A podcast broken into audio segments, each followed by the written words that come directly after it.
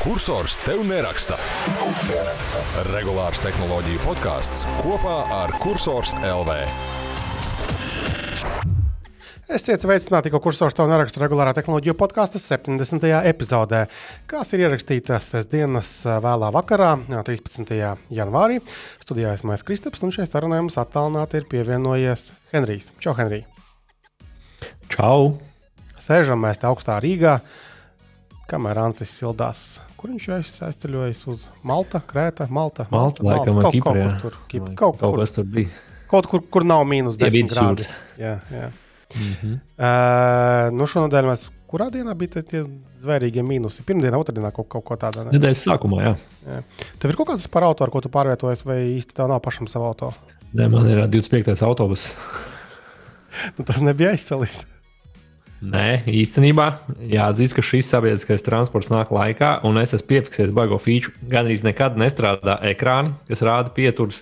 Un, ja strādā, tad viņi strādā arī tikai no vienas puses, bet ne no abām pusēm strādā. Tā kā Rīgas satiksmē ir ko eh, nu, pa, saprast, kāpēc tā notiek. Bet uh, ir kaut kādas GPS sistēmas, tāpēc ka viņš skatās, kad pienāk savā pieturā, un tad viņš līdz ar to visu pārējais pieturas parāda. Tā kā tur bija kaut kādas tehnoloģijas. Ir. Nu, Bet ar pieturu rādīšanu ir ļoti slikti. Ja tu nezini, pēc tumsā tur no rīta tev nav kaut kāda savu šitie te. Acu, acu, acu raugi objekti ārā, tad ir švaki. Vis, visdrīzāk pie vainas ir sūda Krievi. Uh, bija kaut kāda ziņa, man liekas, pagājušajā pagājušā nedēļā, ka Kaļiņgradā viņi tur tajā savā uh, kaut kādā nodarbojas ar GPS bloķēšanu, un tas traucē uh, apkārtējā reģionā. Nu, protams, ka vairāk uh, Lietuvai tiek, nu, jo viņi tuvāk ir. Nevis viņa, bet tā, uh, bet gan jau, ka varbūt Rīgas satiksme ķer. Nezinu, bet, bet godīgi sakot, man tas, tas ir tāds faktors, un tomēr tā jau nu, tā tehnika ir pietiekami jauna, un tie monitori jau nav tur nekāda aizvēsture. Bet nu, ļoti reti strādā. Jā. Vai tev, kā Rīgas sabiedriskā transporta ekspertam un praktiķim, ir bijusi pieredze ar jauniem elektriskajiem autobusiem? Nē, diemžēl nav. A, kuros viņi maršrutos braukā? Nu, ja braukā. Jā, jāčako, man liekas, ka tur droši vien ir kaut kādi divi, trīs, tikai desmit ir. Un, bet viņi zaļā krāsā ir līdz ar to tad viegli pateikt. Jo redzējis, es esmu nav uh, ielās, bet es, nu, protams, neesmu trāpījis nekur nekā. Jo, jā, bet būtu Tu interesanti. brauc divreiz gadā ar sabiedrisko. Nu, nav tā, nav tā. Pēdējos gados es vairāk, piemēram, kad uh, ja agrāk uz kaut kādām nezinu, tur ceršanām centrā es no sava tā meža ciema kratījos ar taksi. Tad vienā momentā taksis bija vienkārši nu, stulbi dārgs. Nu, Priekš kā man maksāt nezinu, tur 30 eiro, uh, ja es varu aizbraukt uh, ar sabiedrisko transportu pat dažiem eiro. Nu, vispār nekādas starpības. Pasēdi telefonā, pabaksties uh, un to ietaupīto naudu pēc tam bārā vienkārši šatos notrieks. Nu, man liekas, ka tā ir pareizā stratēģija. Tā jau tāda eiropeiskāka domāšana sabiedriskais nav tik uh, briesmīgs. Un ir iegūmi. Tieši tā, vispār nav nekādas vainas. Um, jā, bet ar tiem mīnusiem uh, bija, nu, jā, ja mēs atkal iestumjamies elektroautotājumā, nu, tas bija diezgan drūmi. Uh, jo tad, kad ir uh, zem mīnus 20, nezinu, mīnus 25 grādi, nu, tad laikam ir ļoti skumji. Tad ir uh, milzu patēriņš, uh, sākotnēji apsildīja auto. Es redzēju, beidzot, pirmo reizi ekrānā, ka enerģijas patēriņš nu, tam siltumsūknim ir vai pat ne vairāk jau ne siltumsūknim, bet uz apsildi ir 6-7 kW, kas nozīmē, ka tādā jaudā darbojoties pāris stundas un vispār acis tukšs, vispār pat neizkustoties no vietas. Un, un praksē, tātad, ja būtu mīnus nezinu, 30 grādi no rītā, dienā, vakarā, nu, simtu es nenobrauktu ar šo mašīnu. Nu, bet par laimi atkal pēc tam nulle mums bija. Tagad ir mīnus kaut kāda 8 grādi. Tā kā atkal viss ir kārtībā. Savus tos 130. Labi, cik tu 140. nobraukt? Cik tu nobraukt ekstremālajos apstākļos? Ekstremāli? 50 km. Nē, nu 50, 70.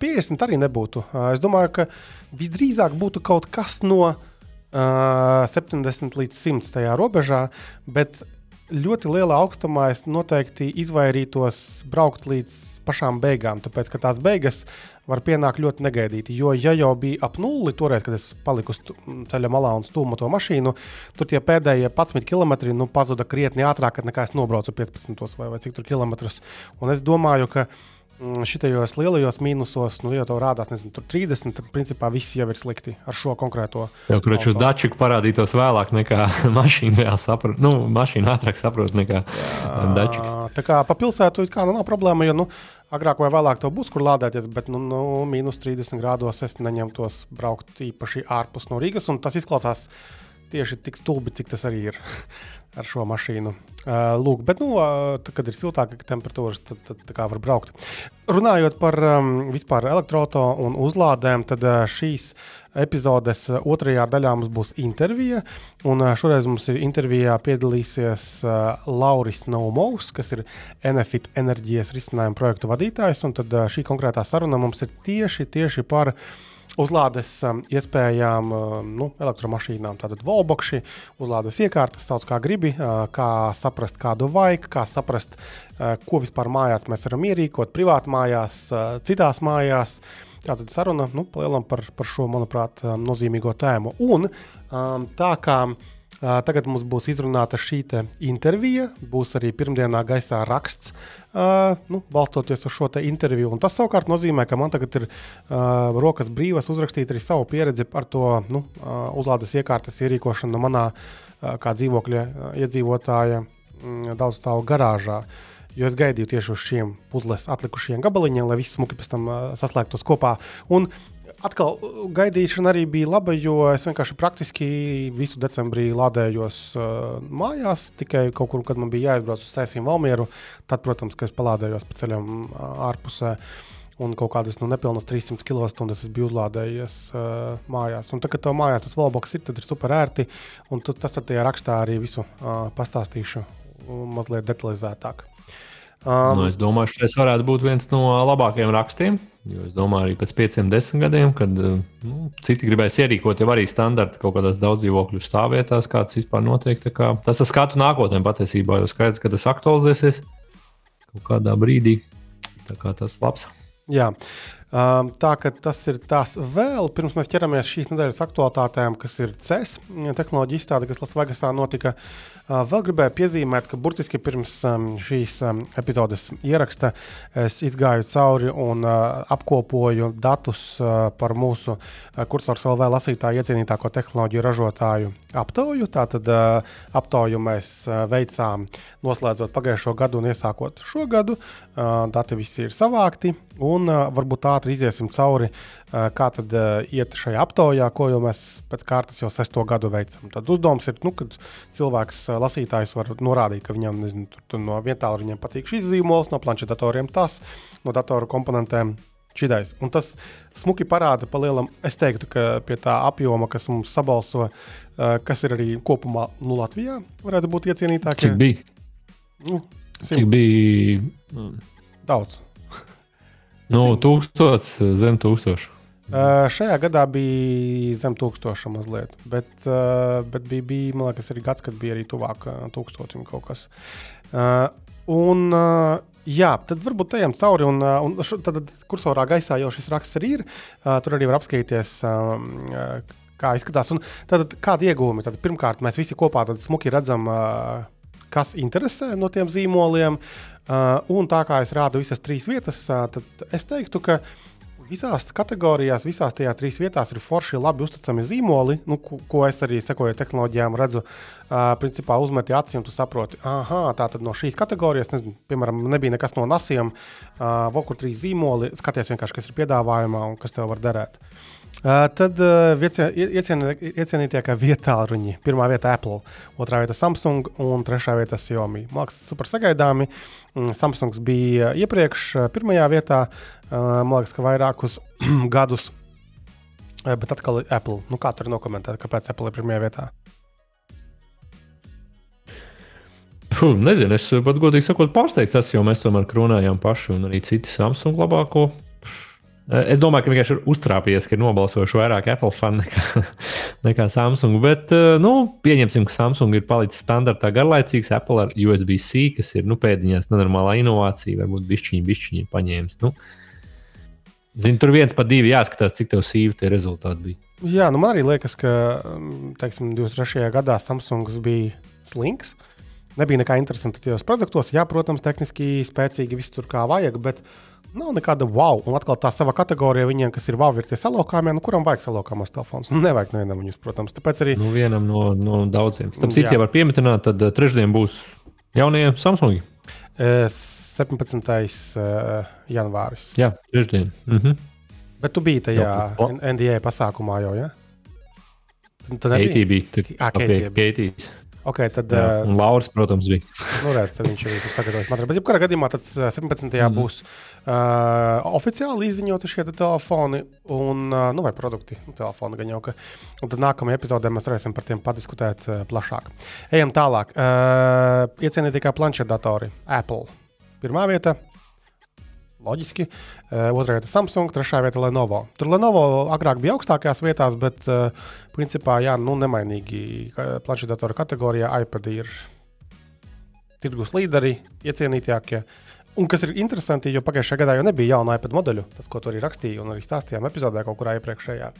Bet, nu, lūk, tā, tāpat tas neiet. Karāli nav iespējams gāzt no troņa. Yep, uh, jā, bet arī mu, mēs paši tīri tehniski, un vakarum tur apskats bija, kad Samsung Galaxy Tab S9 Plus tika vismaz mūsu komandā tika atzīts kā gada labākais planšetdators. Nu, tās apskats mums bija. Uh, iecienītākie vietpunkteņi un sporta pulksteņi nemainīgi. Gadu no gada pirmā vietā Gārmin. Atkal sporta kategorijā un nu, tādiem sūrākiem lietotājiem man liekas, ka loģiski, jā, nu, viņi, viņi māca taisīt sakarīgus vērķus. Bet, kas man liekas, ir forši, gadu no gada. Tomēr uh, Gārmins mēģina arī padarīt seksīgākas tās ierīces, par labāku displeju parādās. Tagad tā Gārmina Connect lietotne būs beidzot glītāka. Uh, kaut kad vai nu ir jau gaisā, vai kaut kad drīzumā būs gaisā, bija vismaz kaut kāda ziņa par to. Otrajā vietā negaidītajā Apple, jo iepriekš bija Samsung. Uh, bet man liekas, ka Samsungs vietpunkteņu jomā pagājušajā gadā arī bija kluss un, un nekāds. Īsti kā ir tie produkti, bet wow, tur faktora nekāda nav. Uh, lūk, tālāk ejam uh, iecienītākie portatīvie datori. Boom, Apple. Iepriekš nebija Apple, mums iepriekš bija Lenovo. Uh, nu, ko vienkārši daudz lētākās kategorijās tie tā, datori ir pieejami. Bet nu, tagad Lenovo uz otro vietu nostumts, un trešajā vietā mums ir Asus. Par Lenovo un Asus man nav nekādu jautājumu, jo tiešām pilni veikali ar šiem produktiem. Mm, Var nopirkt par 400, par 800, vairāk par 1000 eiro šo datorus, bet no Apple pirmajā vietā ar kaut ko iecienīt. Es domāju, ka tas ir Apple Silicon, eh, jeb šo M sērijas čipu nopelns, jo tie kompi reāli ir labi. Ja vien tu nemeklē kaut kādu baigu sūro gamingu, kur MacBooki vēl īsti nekam nedara. Iecienītākie bezvadu skaļruņi GBL. Un tad ir dalītās otrā vieta un dalītās trešās vietas. Un tur tie tālāk zīmoli arī labi zināmi. Harmans Kārdons, Sony, Boze, Sonos. Visi labi zināmi zīmoli, katrā var atrast daudz labus produktus, bet nu, neapstrīdams līderis ir GBL. Uh, turpat nākamā kategorija - iecienītākās austiņas, arī GBL. Atkal, nu, tur ir pilni plaukti veikali mums ir ar GBL produktiem. Un cik ir dzirdēts, austiņas varbūt es neesmu baigi daudz testējis. Vispār būs jādabū uz testiem, uh, bet tur daudz ir produktu un, un vairums no viņiem ir super sakarīgi. Otrajā vietā austiņās ir Apple. Tā īstenībā bija šī tendence, var redzēt, ka nu, redzi, Apple mazāk produkti, kaut kādā mērā vieglāk izvēlēties. Nu, bet nu, tas ir diskutabls jautājums. Tāpēc Jā. varbūt arī ir topos. Jā, man ir drusku pārsteigts, ka otrajā vietā ir Apple uh, un nevis kāds cits zīmols, kā piemēram trešajā vietā ieguvējs Sony. Uh, jo AirPods jau tiešām nav daudz. Un nav tā, ka AirPods ir negļukaini un vislabākie. Bet man liekas, ka tā lietošanas ērtība ir tas trumpis, kas ir nepārspēts vienkārši AirPods gadījumā. Viņi vienkārši, kad darbojas, tad viņi darbojas ērti un labi. Tālāk ejam uz iecienītākie televizori. Samsung, otrā vieta LG, trešā vieta Sony. Uh, tur pirmās vietas LG un Samsung visu laiku cīnās. Uh, Sony vienmēr ir trešajā vietā. Uh, nu, ja- es pirktu televizoru, es skatītos uz LG, bet nu, vairumam lasītāju ar kaut ko interesantāku šķiet Samsung. Uh, iecienītākās digitālās fotokameras, ja nu kāds vēl izmanto, pirmā vieta Sony, otrā vieta Canon, trešā vieta Nikon. Un, man liekas, ka šī pati secība nav mainījusies visus šos sešus gadus, jo nu, tur īstenībā nav ko mainīties. Iecienītākās video spēļu konsoles. Pirmā vieta Sony Playstation, otrā vieta Microsoft Xbox un trešā vieta negaidīti uh, Valve Steam Decks. Uh, iepriekš bija Nintendo trešajā vietā. Mm, Un uh, tagad Steam Deck. Steam Deck vispār vajadzētu dabūt uz testu, jo izskatās, ka tas ir uh, kaut kas Es domāju, ka Nintendo bišķi to savu norietiņu, kā jau Vans teica, tas izpildījums pagaidām. nu, Viņi arī veci ir. Jā, Skatoties uz pārējiem, nekas jā. nemainās, jā. Bet uh, tad no konsolēm paskatieties, kas ir nākuši klāt. Vakarā Asusam parādījās vērtītis, uh, vakarā MSI Klo savu izziņoja. Uh, nu, tā kā būs vēl, vēl. Uh, bet nu, Steam Decks ir drusku aizskrējis uh, priekšā. Sist, datoru sistēmu plates Asus pirmajā vietā, Gigabaits otrajā, MSI trešajā. Trīs milži, tur drusku pamainās, bet uh, pat salīdzinot ar pagājušo gadu, uh, man liekas, ka pat secība nav mainījusies. Um, datoru procesori, Intel, otrajā vietā AMD, trešā vietā Apple. Atkal silikona, uh, tas, kas visiem tik ļoti patīk uh, iecienītākās datoroperatīvās. Zini, kas vienīgais no. pie uh, procesoriem, es iedomājos, Apple jau īsti nevar likt. Viņas jau tikai ar MacBookiem. Nu, tu nevar nopirkt uh, atsevišķi Apple silikonu un ielikt. Vidējais, labi, tur kaut kāda do, do yourself kompija, jā, bet. Nevar, nevar, bet man jau liekas, ka var jau balsot. Nu, jau, Nē, nu, jā, nu, tas ir tā aizdomājies, varbūt kā, kā tu nodali priekš sevis. Es domāju, ka ja, pat ja tu izvēlies uh, MacBooku, gan jau ka daļa pircēju izvēlas tāpēc, ka ir tas silikons. Man liekas, ka tā var to uztvert. Nav arī baigta alternatīvas. Bet tas, kas ir redzams par šiem gadiem, AMD kāpj uz augšu. Noteikti kaut kādā brīdī gan jau ieliks ribās arī, arī Intelim. Un es, es arī pats. Uh, no desktops, uh, ko es nopārdevu salīdzinoši nesen, man bija AMD. Vispār nekādu problēmu. Man arī iepriekš ir bijuši AMD kompju galdatoros. Un tas framework laptop 13, kas beidzot šobrīd ceļo uz Latviju, jau no tās Vācijas, to es arī izvēlējos ar Raizenu. Tāpēc, kā AMD, man liekas, ir arī laptopos, ir ok no procesoriem. Tā, iecienītākās datoroperatīvās atmiņas Kingston. Sesto gadu pēc kārtas, pirmajā vietā ar Kingston. Man liekas, ka tas nav tik daudz kā tie būtu vienmēr labākie produkti. Vienkārši ir prātā iededzināts mums šis zīmols šajā konkrētajā kategorijā. Mēs zinām, jau nezinu, piedzimstot ar mātes pienu, mēs uh, uzsūcam, ka Kingston ir atmiņas jāpērk. Uh, otrajā vietā Samsung, trešajā vietā Corsairs, kas arī interesanti, jo Corsairs man nesaistās ar operatīvām atmiņām, bet nu, tā cilvēki sabalsoja. Uh, datoru dzēsēšanas sistēmas pirmajā vietā Gigabyte, otrajā vietā Deepcools, trešajā vietā Noctua arī mazliet interesanti par to gigabaitu pirmo vietu, bet, nu, acīm redzot, lasītāji zina labāk. Iecienītākie datoru barošanas bloki. Pirmajā vietā Asus, otrajā vietā Corsairs, trešajā vietā Gigabyte. Vispār šajās komponentēs daudz pārklājas, nu, jo viens ražotājs ražo parasti vairākas komponentes, un tāpēc viņi tur muļļājas visi vienā putrā. Iecienītākie datoru korpusi, Fractal Design, kuriem mums bija vairāki apskati pagājušajā gadā. Tiešām augstvērtīgi, kvalitatīvi korpusi, stilīgi, interesanti. Un jā, otrajā vietā Asus, trešajā vietā Gigabyte. Iecienītākās datora video kartes. Pirmajā vietā Asus, otrajā vietā Gigabyte, trešajā vietā MSI, Boring. Tālāk nākamā kategorija - iecienītākā datora video karšu sistēma. Nvidia, loģiski pirmajā vietā, otrajā vietā AMD, trešajā vietā Intel. Te atkal nu, viss ir sagaidāmi. Nvidia, man liekas, slinko, izlaiž kaut kādus neadekvātus, super savus modeļus, kas ir pārcenoti un nedod pietiekamu bang for the buck. Um, bet atkal no vienas viņas nevar pārspēt. AMD lēnām garā atkāpjas no cīņas par flagmaņiem video karšu nu, jomā. Uh, Intelis parādījies, ir, bet nu, tā Mēs nopirkām tieši pagājušajā gadā Intel Arc video karti, lai notestētu, nu, kas tur īsti ir. Un, nu, mēs arī notestējām un secinājām, ka uh, nu, tas nebūs high-end spēlītājiem. Tas ir viens, un otrkārt, pat ja uh, it kā varētu pavilkt, nu, tad driveriem tiešām tur ir gluži un problēmas, un uh, to es labi redzēju Starfield mēģinot spēlēt. Tā kā, nu, jā, gamingam Intel vēl īsti nebūs. Iecienītākie datoru SSD diski - Samsung, pirmajā vietā, otrajā vietā Kingston, trešajā vietā Western Digital. Šajā gadījumā man interesē Western Digital, jo viņiem ir tiešām ļoti nu, labi tie produkti pēdējos gados parādījušies. Un, um, gan jau, ka būs kaut kas jānopērk arī uh, testiem šim gadam šajā kategorijā. Iecienītākie datoru monitori Dell. Pirmā vieta, otrā vieta Samsung, trešā vieta LG. Vispār visi trīs arī tur katru gadu cīnās savā starpā un nekāda ne AOC, nekas tur nav īsti spējis um, tikt garām šiem te trešajiem trī, trīniekiem. Uh, iecienītākās datoru ievadas ierīces, tur peles un tastatūras, atkal tāpat kā Kingstons ir atmiņas produktos, uh, šeit ir Logitech. Ar milzīgu atrāvienu visus šos sešus gadus ir bijis un nekas arī nemainās. Uh, bet arī labi, ka Logitech nesēž uh, neguļ uz lauriem, un uh, reāli fifīgi tie jaunie produkti pēdējo gadu, un, un, un mājaslapa mārketings viss tur darbojas uh, kā vajag. Otrā vieta - Razors, uh, trešā vieta - Steel Series. uh, no kuriem man vairāk interesē stilsīrijas, jo viņi taisa tādus foršus, uh, varbūt neuzkrītošus, bet labus produktus uh, pa labām cenām. Bet tas nav vairāk gamingam, ne? Nu, jā, nu, jā, vairāk, protams, tāda gaminga zīmols. Nu. Bet es saku, neuzkrītošas tās ausis, piemēram, ir uh, Arktis 3, man liekas, bija un, uh, un ir uh, var arī oficiāli lietot. Tā kā reāli. Nice. Nav tā, ka tur ar gaismiņām kliegtini kliedz, ka tu tāds kaut kāds ne tāds. Bankā varētu pat strādāt ar tām ausīm. Uh, iecienītākā bezvadu datortīkla aparatūra Mikrotiks. Gan jau kaut kas nacionālais elements šeit spēlē, otrajā vietā TP-Link, kur ir daudz produktu. Mēs paši arī testējam daudz, uh, un trešajā vietā Asus.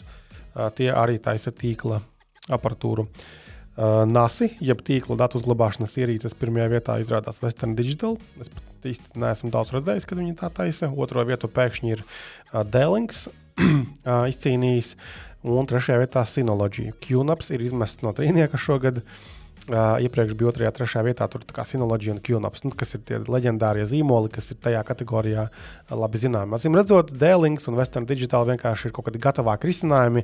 Aizgāja plauktā, nopirka, viss ir gatavs, to nav nekad cirdiski jāmeklē, pašam jās, jāskrūvē iekšā. Es pieņemu, ka tas tā darbojas. Iecienīta kā lielā sadzīves tehnika - Samsung. Otrajā vietā Electrolux, trešajā vietā LG. Man liekas, ka Samsung šeit vienkārši ir ar kaut kādām atlaidēm, kaut kādu mārketingu izcīnījušies uh, uz augšu šajā kategorijā. Iecienītākā mazā sadzīves tehnika. Ar, ar influencēšanu, jā. jā. Nu, Samsungam diezgan spēcīgi monī mūsu sabiedrībā. Mm. Iecienītākā mazā sadzīves tehnika, tur visādi blenderi, multivāras katli un tā tālāk. Un tā joprojām pirmajā vietā, man liekas, pirmo reizi šogad mums ir uh, iepagājušajā gadā Philips, uh, otrajā vietā Sāge Stoller un trešajā vietā Bosch. Agrāk Bosch bija augstāk. Uh, bet Bosch man kaut kā vienmēr licies kaut kāds tāds uh, dārgā gala zīmuļu produkti. Uh, labi, zīmuļi varbūt nav pareizais apzīmējums. Vienkārši nu, dārgi. Labi, varbūt... Es pat teiktu, ka Bosch man saistītos ar lielo sadzīves tehniku. Tur trauku mašīnas zināmas, labas, nu, tā, mazajām. Nu, tā man te sabalstots ir. Es jau, ne jau mm -hmm. es izdomāju to. Iecienītākie robotizētie putekļu sūcēji. Pirmajā vietā Xiaomi, otrajā vietā Aerobots. Man pat kaut kā bija līdzīgs, ka aerobots jau ir beidzies, jo viņš tur pirka, nepirka, pārpirka. Un trešajā vietā Roboroks. Nu, tāda ķīnieši pārņem arī šo kategoriju diezgan pilnībā. Par printeriem. Pirmajā vietā HP, otrajā vietā Canon, trešajā vietā Epson. Šitam liekas, jau piekto gadu pēc kārtas ir tieši šādā secībā. Uh, mums bija pagājušajā gadā. Tur mums balso tie paši cilvēki, laikam viņi vienīgie vēl lieto printeru. Jā, jā, iespējams. Un uh, visbeidzot, iecienītākais Latvijas internetu veikals. Kā domā, kurais ir? Es jau esmu atvērs rakstu. 220 LV. Es teiktu, ka viens āpats ir tiesībā, jā, ja tu man tā prasītu. Ar vienu sāpju bija tā interesanti. Protams, ka senos laikos visiem bija interesanti par to vienu sāpju. Pēc tam lietuvieši nopirka viņus. Tad bija entos gadus cilvēki sūdzījās un sūdzējās, cik viss ir slikti. Un man liekas, ka viens arī bija izbiris kaut kur tur. Šogad viņa trešajā vietā ir un otrajā vietā RD veikals. Pagājušajā gadā RD bija pirmajā, nu, jeb RD elektronikas. Tā kā nu, sagaidāmi visi zināmi zīmoli. Un, uh, tur ceturtajā vietā, ja nemaldos, ir aiz strīpas palika LMT, jo šoreiz, šoreiz ieliku arī tos operatoru veikalus. Un, Tīri pačakot, kas mainīsies. Un, uh, par LMT bija daudz balsu sabalsotas. Tā kā tie arī diezgan jūtami sāk palikt šajā kategorijā. Skaidrs jau, uz ko tendences iet arī nu, vispār kaut kādos iepirkšanas paradumos un e-komercijā kā tādā. Jā. Jā. Nu, ka ienāk vairāk arī šie mobilo tīkli, kā saka, bija milži lielie, ka piedāvā visu pilnu servisu. Jā, jā. Ok, tad jā, kursors vēl var droši vien apskatīties uh, pilnībā šo topu, un tad jau nākamgad gan jau atkārtosim vēlreiz. Vēl. Un, un nobeidzot šo bloku, tad milzīgs paldies arī tiem mūsu dārgajiem lasītājiem, kas arī komentāros atstāja ieteikumus, laba vēlējumus. Šogad pārsvarā tie bija laba vēlējumi. Uh, Uh, nu, ir taču prieks darboties tālāk uz priekšu, ja tu redzi, ka lasītāji novērtē to, ko mēs darām. Tā, tā ir Henrija. Ceru, ceru, ka ir. Jā, es biju šokā. Es domāju, ka tu esi izfiltrējis ārā sliktās ziņas.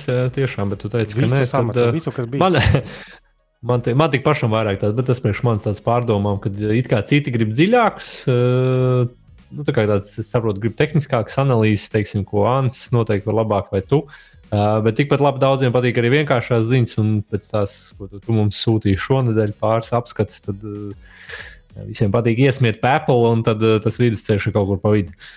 Beigās, jā, tas, tas varbūt tā. Jā, jā. Cilvēki tik viedokļi. Mēs vienam sadarbības partnerim analizējām to saturu, kas tur bija Apple, kas tur bija datoru komponentu ziņas, un bija ļoti labi redzams, ka viss vairāk vai mazāk saistītais ar Apple tēmām ir labi lasīts, labi virināts. Cilvēki skatās, komentē. Savukārt, datoru komponentu ir tāda nu, tukša kategorija, tādā ziņā, ka tur to skatījumu nav baigi daudz. Bet nu, tāpat uh, mana stratēģija ir turpināt attīstīt arī šo kategoriju, jo, nu, lai būtu latviešu valodā saturs arī par šādām ierīcēm, produktiem un pakalpojumiem. Labi, uh, tas ir ievadam. Bet tālāk, nu, tā tad jā, šī te, mm, CS tehnoloģiju izstāde kas notiek katru gadu jau daudzus gadus Lasvegasā, Amerikā.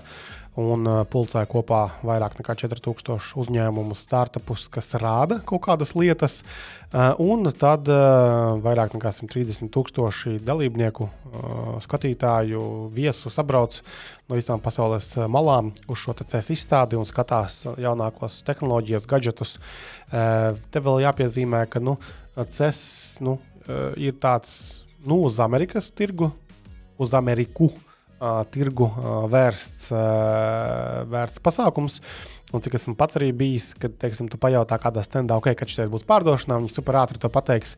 Nu, Amerikā būs tad un tad, maksās tik un tik, a, kad Eiropā, uh, mm, nu, nezinu, kaut kāda Kas ir Eiropā? Ja? Jā, jo nu, šeit palielinām sabrauc Āzija parādīt amerikāņiem, ko tad viņi ir gatavi viņiem nopārdot.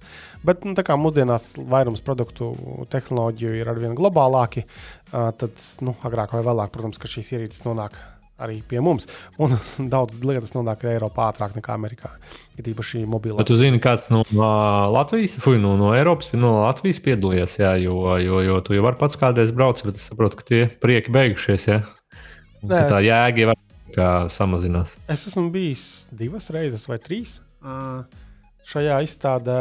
Mm, Šogad nu, no tādiem mēdījiem es neesmu dzirdējis, ka kāds brauktu, jo tas ir nu, ārkārtīgi dārgs pasākums, tev aizlidināties uh, un, un, un, un nodzīvot to nedēļu un skrienot mēlu izkārušam. Uh, Uzņēmumi būtu jāskatās tajā dalībnieku direktorijā, varētu atrast noteikti. Pagājušajā gadā bija arī nu, mana dienas darbiņa, tas Dolab komanda bija ar standu aizbraukusi, kā saprast, kā praksē izskatās pašiem piedalīties šādā izstādē. Teica, ka bija diezgan interesanti. Um, jā, tā kā, bet katrai... Bet šogad nebraucāt, ja? Nē, šogad citas pasākumus izvēlējās apmeklēt. Um, kopumā kas ir šī gada tāda nu, tendences? Jo man liekas, ka šīs lielās izstādes ir arī labi parāda, kas nu kurā gadā ir uh, galvenā tendence. Un, kur ir tā galvenā tendence, ko tu nolasīji, Henrij, no šī gada cesa? Hmm. Es teiktu, lidojošās mašīnas īstenībā bija šī, bet mēs varbūt mašīnu segmentu mazāk. Un, protams, uh, atkal uh, mākslīgais intelekts no tiem visiem tiem modeļiem, kā viņi tur vēl vairāk integrēt uh, visādās ikdienas precēs. Bet es teiktu, ka diezgan standartiņš tādā ziņā. Standart... Nu, ķipa kopumā wow tehnoloģijas, bet bez, bez tur baigiem tādiem virs, virsrakstiem, bet varbūt es kaut ko nenoķēru. Nu, jā, lidojošās mašīnas tur ir bijušas arī iepriekš, un, bet man jau liekas, arī, ka es piekritīšu tev, ka šīs, šī gada šī CES nu, galvenais vadmotīvs tiešām bija mākslīgais intelekts, nu, AI kas pagājušajā gadā, pateicoties OpenAI aktivitātēm, ir kļuvis par tādu household name. Uh, kas visi runā. Varbūt neviens nezina, kas tas īsti ir un ko ar to iesākt, bet nu, runā visi. Un arī šeit bija tik daudz produktu prezentēti, uh, kuriem mēs tur pieskarsimies arī praktiskāk, uh, kas bija AI priekšā un pakaļā. Vajag, nevajag, nav svarīgi, bet nu, tagad tas ir trendīgi. Tad mēs liekam, uz galvenais AI. Jep, jep, jep. Nu, varbūt piemērus kaut kādas pasaules, kas tev tādā iekrita acī visu nedēļu aktīvi sekojiet līdzi cesam un rakstot. Uh, nu, Ziniet, kā vis, visapsvērtākais arī citos tehnoloģiju blogos bija tas Rabbit R1. Es gan laikam piekritīšu, ka tas īsti neaizies tautās. Tas, es nezinu, tu gribi panalizēt kaut ko jau runāt vai vienkārši nosaukt. Jā, protams, tātad es gribu, lai tu pastāstīsi īsumā vienā rindkopā, kas ir Rabbit R1. Un, Jā, un, tad, tā ir ierīce, kas ar mākslīgā intelekta palīdzību un uh, kāds tur bija. Tur nevis bija large language modeli, bet tur bija kaut kāds uh, large explanation modeli. Uh, viņi vienkārši sazināsies ar tavu vietālu un izdarīs visas darbības uh, tas, ko tu ierakstīsi tajā ierīcītē, nosauks, viņi to, to izdarīs. Jo šobrīd telefons nespēja atpazīt sakarīgas visas tās darbības, ko tu nosauc. Līdz ar to tā ir tāda ierīcīte, kas to spējas izdarīt. Viņa ir aprīkota ar kameru un nelielu ekrānu. Tā ekrānā ledus zaķīts. Un, un kā, piemēram, tur varēs noskanēt arī ar to kameru leduskapu, un tad pateiks, ko tu vari uztaisīt. Tas ir vienkārši papildinājums jebkuram vietārunim, bet viņš spēs vienkārši labāk atpazīt tās uh, balss komandas. Bet šis ir viens no lielākajiem uh, hypiem. Maksās 200-199 dolāri. Kā tu teici, cena Eiropā, jā, tā kā viņi tur speciāli kaut kādu savu modeli uzbūvējuši, un viņi apējot API, bet es īsti nesaprotu, kā tad, es līdz galam nenoķeru to tehnoloģiju, kā tad viņš tur telefonā viss izdara. Uh, bet, nu, varbūt tu, tu vēl vari tur papildināt. Nu, tāds mm. gadgetiņš.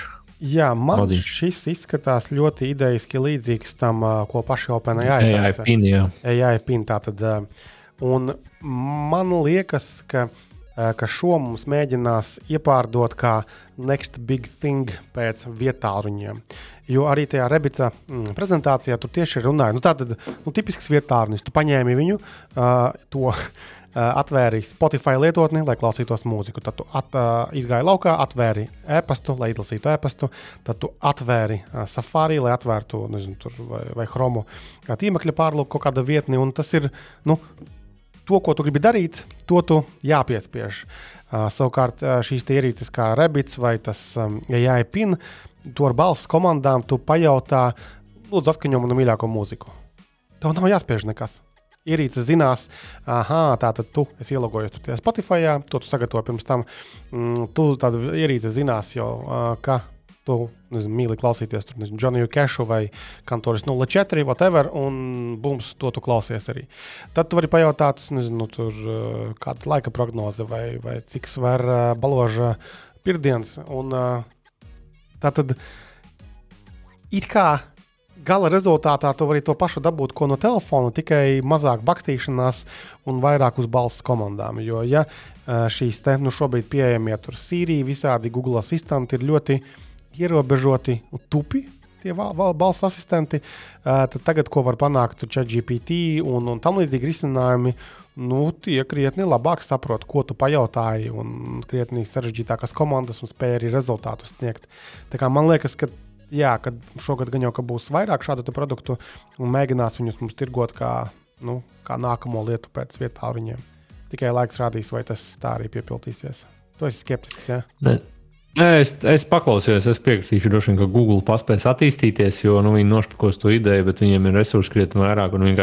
Kāpēc tev vajag, bija labs tas tur, kāpēc tev vajag nesēt atsevišķu, viņš ir kaut kāds plaukstas izmērts, rabbit. Uh, ja tev ir vietā runas, kas ir procesori jaudā spējīgs izdarīt, vienkārši nav tas risinājums vēl uzbūvēts Google, kā tu minēji, Google vai, vai Siri.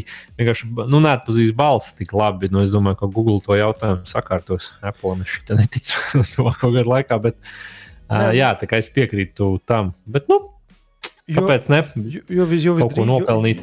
Jo, jo, vis, jo visdrīzāk arī esošos vietāruņus var padarīt krietni funkcionālākus, tad, kad tās balss asistentus šobrīd pieejamos nomainīs uz tiem nākamās paudzes, kas balstīsies, balstīsies uz visiem tiem ChatGPT, bārdiem un, un, un, un kas tik vēl tur nav. Uh, Kopilotiem visādiem. Tā kā varētu būt interesanta attīstība šajā virzienā. Nu, labi, R1 jā, tiešām bija rabits interesants produkts. Kas vēl bija tāds jancīgs un foršs, tavuprāt? Uh, tu domā ar to mākslīgo intelektu, ko mēs iesākām, vispār? Viss, viss vienkārši ah, cauri. Uh, Nu, es domāju, liels, liels ņemtiņš bija par tiem caurspīdīgajiem televizoriem. Nu, tad LG sanāk, kad ir iepazīstinājis reāli arī parādījis, vairāk aprakstījis, tad, tad eh, viņi tur sauc par bezvadu. Nu, tas tā latviešu arī tulkojot, bet nu, es vairāk to uztveru, ka, ka viņam vienkārši ap, apakšā ir pamatne un, un, un tas ekrāns ir augšā redzams un uh, nav lieku tādu lietu. Līdz ar to viņš tiešām ir caurspīdīgs, ka tu vari redzēt, kas tev aiz sienas ir un, un, un ir pietiekami labs attēls. Tāda interesanta izskatās, plus viņam ir tehnoloģija, ka tev ir tā tāds hubiņš, nu es, es viņu dēvētu par hubu adapteru. Sasprādu visu te adapterī, tas adapters stāv kaut kādu metru vai divus no televizora. Viņš ir arī bez vadiem, un viņš to pārraida visu to attēlu. Tā kā tāpat tāda. Nu, tāda, kā saka, high-tech feature, tur viss salikts, jā, tu man liekas, 4K izšķirtspēja un, un, un, un viss tas, bet nu, galvenais, ka viņš ir tiešām caurspīdīgs. Bet nu, tu redzi to attēlu. Jā, tā tad LG gadījumā viņi prezentē, un pēc tam sarulējums, man liekas, viņam bija. Jā, viņš bija, jā, taisnība. Tātad, viņš arī ie, ievilkās iekšā tajā. Gan sarulējams, gan caurspīdīgs OLED televizors, un Samsung prezentēja caurspīdīgu mikroLED televizoru. Jā, bet Samsungs, es sapratu, tikai, tikai parādīja. Tad LG, teiksim, jau tādu, tā kā tādu nu, nopietnāku produktu Samsungs tīri parādīja. Bet, nu, mikroLED tehnoloģija bija bišķi atšķirīgas tehnoloģijas. Tieši tā, jo, jo Samsungs tādā izmērā, televizoru izmērā OLEDus netaisa. Uh, viņi tad uh, televizoriem viņiem ir tie QLED.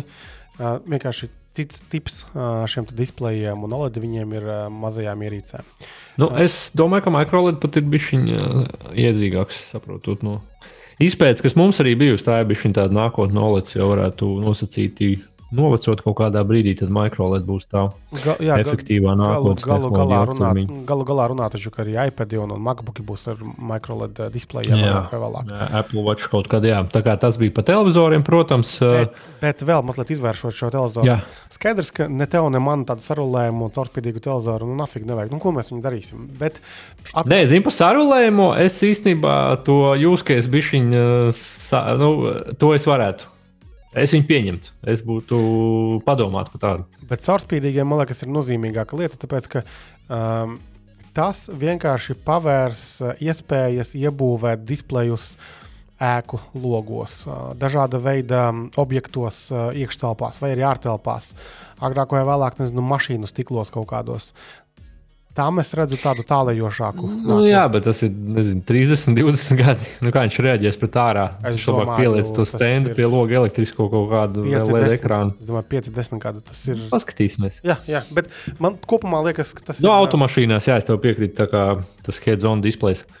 Viss kaut kas, viss kaut kas var būt. Jā, jā uh, vēl man prātā tagad iešāvās tās smieklīgās uh, kaķu durtiņas. Labi, Latvijā nav. Es vispār neesmu redzējis, ka kāds beigas mājās griestu caurumu durvīs, ārdurvīs, uh, lai kaķēni varētu iekšā skraidīt no suņuki. Amerikā gan tā ir izplatītāka lieta. Tagad uh, bija kaut kāds tur, kā bija uz F burta, tas um, bija tās durtiņas kaut kādas tur. Un uh, tur tā doma ir tāda, ja, ka tur kaut kādas kameras iebūvētas. Lepī. Lepī, jā, šitās sensori. Un, ja, ja durtiņas detektē, ka kaķis laimīgs nes mājās kaut kādu medījumu savējo, tad bums, uh, computers says no, un tu nē, iekšā mājā, nu, kaķītis neiet mājās. Tas, lai viņš neatnes pie brokastu galda, nenoliek kaut kādu nomedīto peli. Nu, rēcīgi. Tiešām nekā citādāk to nevaru nosaukt. Vēl man patika, Bet, nu. vēl man patika tas spogulītis. Spoguļi vispār cesā ir daudz bijuši visādi tur mm, viedajām funkcijām. Tad tagad barakoda saucās tas spogulītis. Un uh, tas arī tur kaut kāds ir mākslīgais intelekts iebūvēts, uh, kas kaut kā tur runāties, laikam ar to spoguli var, tur spogulīs, spogulīs, saki man tā, beidz dzert. Šodien izskaties sliktāk nekā vakar. Un no, tev vajag spoguli, kas ar tevi runājas Henrijā mājās. Jā, es gribētu, lai viņš novērtē manu estētiku ārējo, man pievilcību, vai kā tu saki, pēc smagākas nakts, lai pasakā, varbūt vajag bišķiņu pietu, pietu šeit.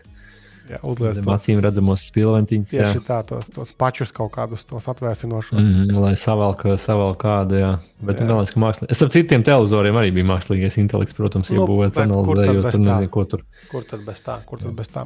Mm. Um, kas vēl tāds bija interesants no gadgetiem? Uh, jā, nu, diezgan redzēju arī tas vidings, uh, BMO, uh, tāda veselības mērierīce, kurai bija strotoskops iebūvēts, kas tāds tā kā jaunums, lai tur klausītos. Nē, stetoskops. stetoskops uh, tur arī termometrs. Uh, nu, Termometrs ir. Nu, jā, ter, nu, termometrs varbūt tas nelikās tik krūti, bet nu, tas, ka viņas tur pirmkārt četras lietas, tā tad, jā, kā Kristaps teica, temperatūra, sirdsdarbība. Uh, tur vēl bija. Nu, plaušu darbība, ja jau, ja jau tāds nu, - jā, plaušu darbība, un kas tev bija ceturtā lieta, būtiski pašam pazuda.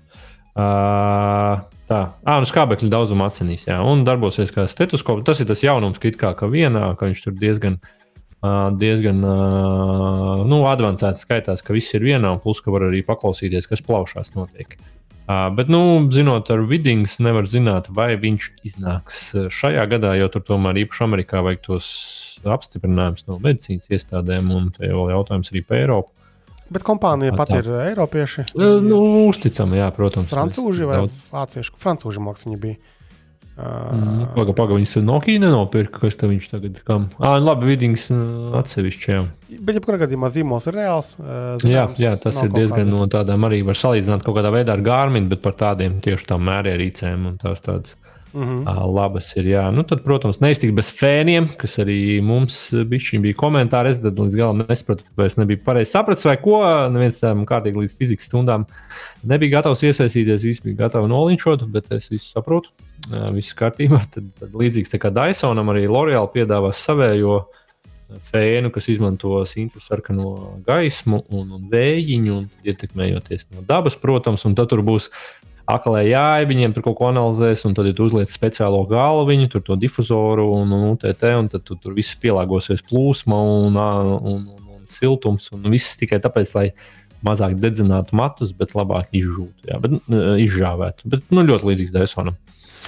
Jā. Un tur šādu te. Mm, uh, Skaistuma kopšanas produktu ir diezgan daudz. Cik esmu bijis izstādē, tur, tur, tur visādi fēni mēdz būt, tur, tur, tur tie paši spoguļi, uh, nu, vannas istabā, kas tur arī pie skaistuma kaut kāda stūrītī savā ieliec. Tur, tur pilns viņu ir. Nu, katrs kaut ko mēģina. Un tas pats L'Oreal arī tur labi zināms. Ir. Visur. Jā, jā, jā. Nu, jā viņam liekas, arī iepriekš ar lūpu krāsām. Jā. Bišķi vēl pie Samsung atgriežoties, tad ir tie viņiem uh, Frame TV televizori. Tad viņi tagad uztaisījuši arī mūzikas atskaņotājus, kas saņēmis vispār labus, esot kvalitatīvus, vismaz cik es paklausījos. Doma ir tāda, ka tu vari uzlikt sev priekšā tādu coveru. Viņam gan nav displejs, ka viņš attēlo gleznas nu, tādā fonā, bet tu vari pats uzlikt tur noteikti izmēra skaidrumiem, vienkārši mainīt tās priekšējo viņu to izskatu uzliec, nezinu, plati kaut vai, vai uzliec kaut kādu bildi, jā, gleznu, un, un to papildināšu. Bet tur uzsvars bija uz to, ka pat diezgan kvalitatīvi tā skaņā. Nu, tad, tad nevar aizmirst vēl par iPhone vāciņu ar fizisko tastatūru, kas, Kliks. kas arī diezgan apspriests temats. Kliks saucās. Jā, tas produkts. Tu lietotu tādu pirktu? Zini, kā, nu, es varbūt neesmu tik pret to rakstu. Man arī, nu, man patīk ātri rakstīt, ja es piešāvies, kā saka, divu īkšķu, divu īkšķu paudzi. Es varu ātri rakstīt pa telefonu. Un uh, man it kā tas izmērs apmierina, kā ir šobrīd. Es droši vien tas.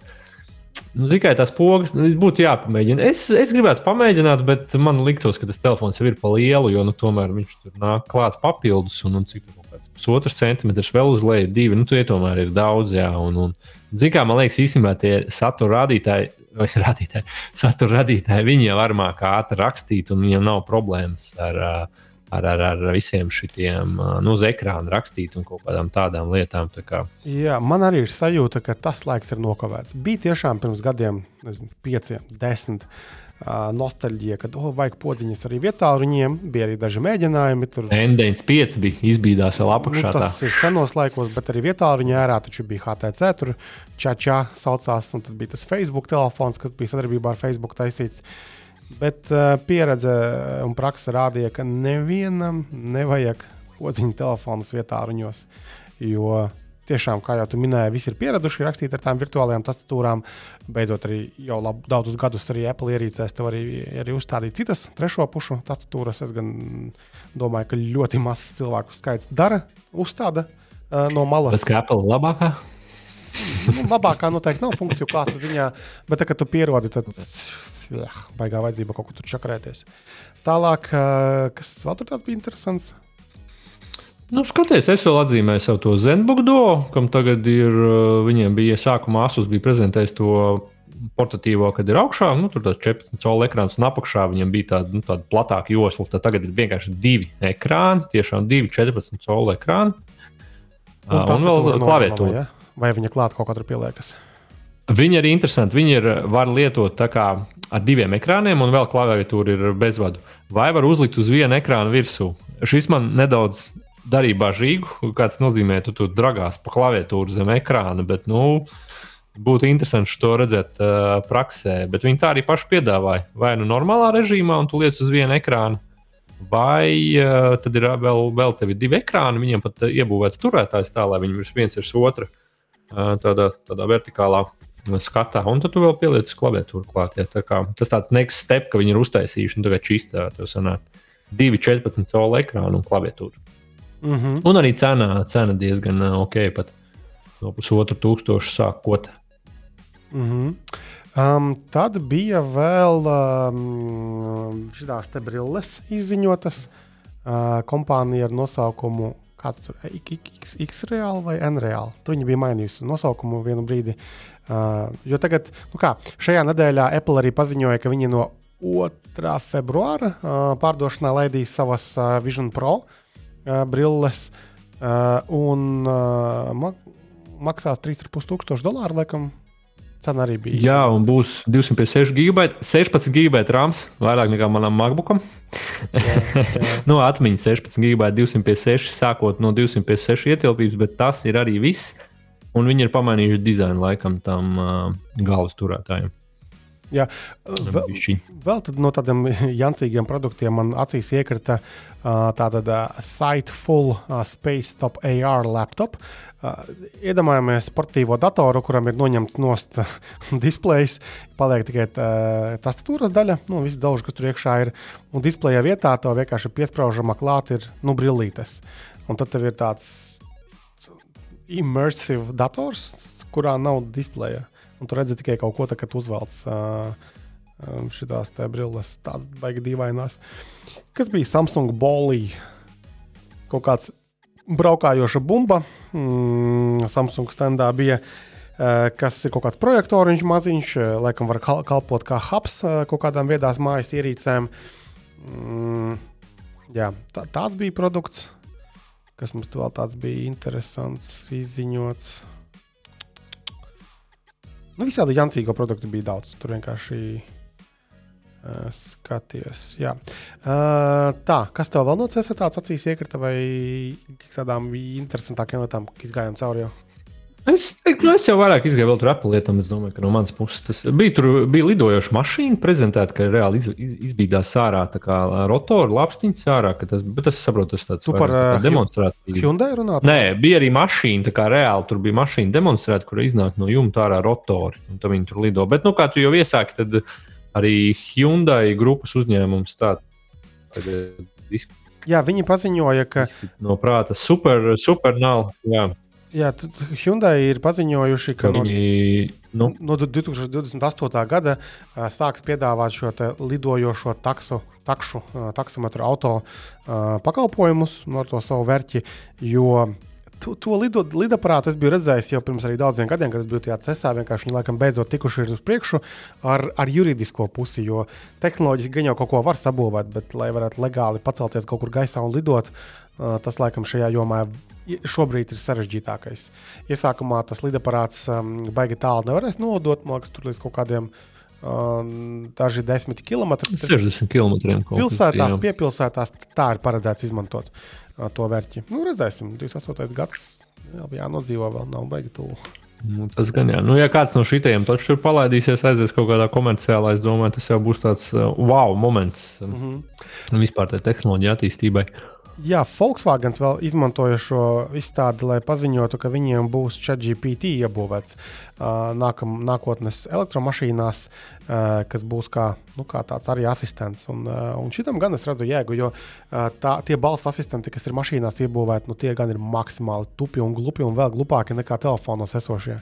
Uh, ja saprotu, tur kaut kādas dažas komandas un, uh, un nepārāk labi spēj saklausīt, ko nu mēs tur sakām. Vienkārši mēs, mēs varbūt neprotam runāt tik labi tajās valodās, kādos viņi darbojas. Un, ja tur kaut kāda tiešām chat GPT iebūvē, nu tad, tad varētu būt interesanti. Nu, bet tad jau nebūtu tāds rabbit produkts.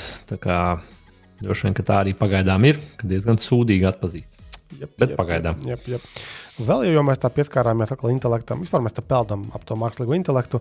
Duolingo, tātad šī populārā uh, lietotne, kas palīdz mācīties ne tikai valodas, bet mākslīgi arī matemātiku un kaut ko tur vēl. Uh, paziņojuši, ka atlaiž darbiniekus uh, kaut kādu daļu un viņu pienākumus uh, uztic šim mākslīgajam intelektam.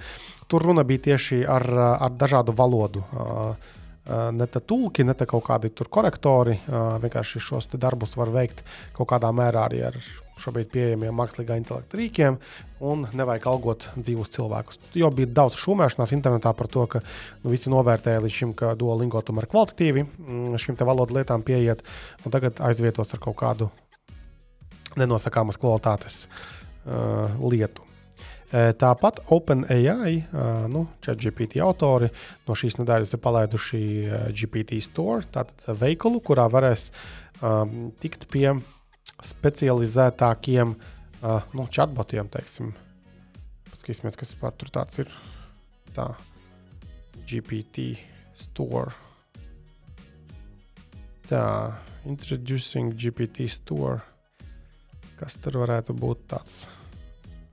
Un vēl tur bija papildus ziņa, ka arī uh, ChatGPT ir uh, komandām pieejams. Tātad, vieglāk maksāt tev kā uzņēmumam, ja tev komandā grib izmantot uh, šos te tāks, Explore GPT. Tā tad mēs varam.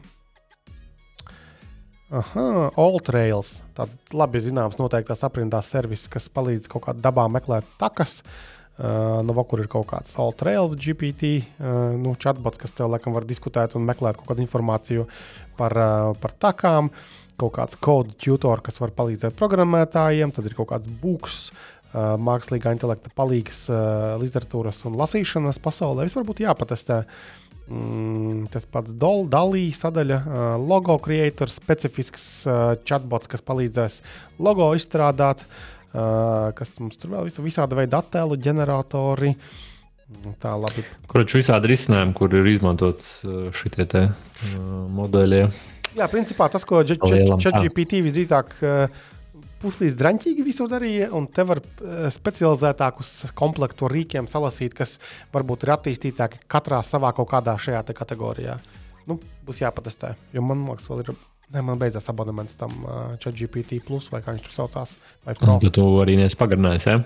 Es, es vispār esmu pēdējā pēdējo pāris gadu laikā pasācis darīt tā, ka, ja es kaut ko nobonēju, uzreiz es uh, kancelēju šo subscription, lai man viņš automātiski nenovelk pēc tā mēneša, kad es būšu visu aizmirsis. Mm -hmm. Es vienu brīdi Jā, mēģināju likt uh, kalendārā atgādinājumus, nu, kad dienu iepriekš. Es tā daru. Bet tagad es vienkārši nokancelēju. Tāpat tas servis darbosies līdz tam. Vot, zini, kā tur jāskatās, tas ir kā kuram. Uh, labi, ja tu samaksāsi, tad visiem strādā, bet citreiz, ja tie trial versijas, tad tev gan tur ir, ķipa, jā, nevar ņemt kredītkarti nost, jo tad tev uzreiz beigsies tajā uh, pašā brīdī. Nu, jā, es arī runāju par tiem, kas ir samaksāti. Un nu, tad, jā, to, un tad toties visdrīzāk, un arī vairumā gadījumā man to servisu tik ļoti nevajag, un vienkārši man nevalkas bez, bezjēgā nauda par kaut kādām lietām. Un, ja man tomēr baigi vajag, nu, tad vēlreiz nopirksi vai uz vēl uz mēnesi, vai arī ilgāk pagarināsi. Man liekas, ka tā ir ļoti atbildīga pieeja. Bet tā var iedomāties, cik cilvēki maksā vienkārši pat tukšo, par ko viņi neizmanto. Jā. Es domāju, ka tur ir milzīga naudas. Ņemot vērā, kā dažādi veidi tehnoloģiju uzņēmumi mēģina tevi uzsēdināt uz tās maksāšanas adatas. Tur ar atlaidītēm, ar vēl visām kādām lietām. Jā.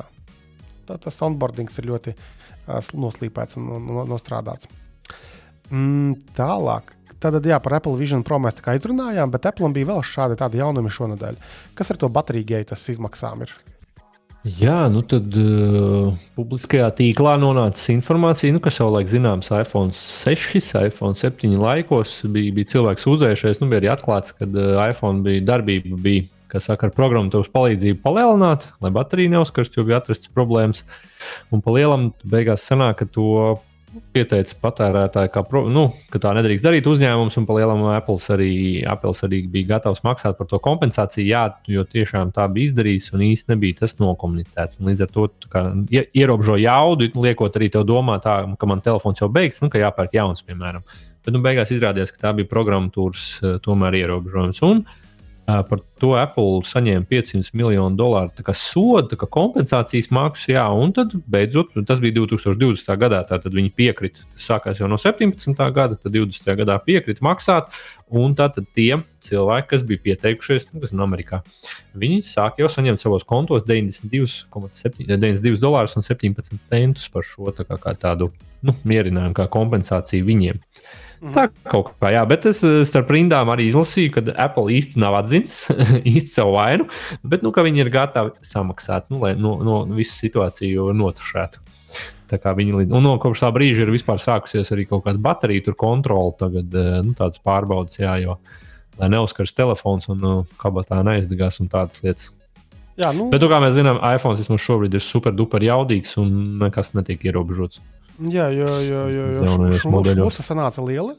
par šo visu stāstu. Man liekas, ka tur vislielākā kļūda Apple bija ne tik ļoti tā throtlošana, bet tas, ka tas netika izskaidrots. Jo, cik es atceros, toreiz tas, tā nepieciešamība samazināt jaudu uh, telefoniem bija tāpēc, ka Uh, kaut kādos brīžos, kaut kādos apstākļos uh, varēja telefons vienkārši izslēgties, jo uh, ne, nepaspētu piegādāt nepieciešamu enerģiju, lai tur kaut ko tur, um, turpinātu darbību. Un cilvēki būtu vairāk um, apbēdināti un izbēsījušies uh, par to, ka telefons viņam izslēdzas.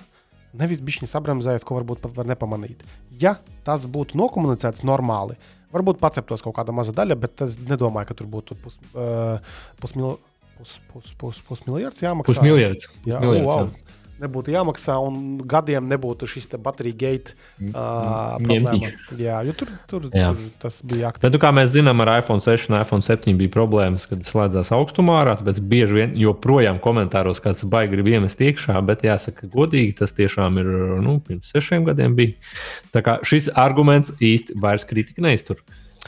Jā, jā, jā.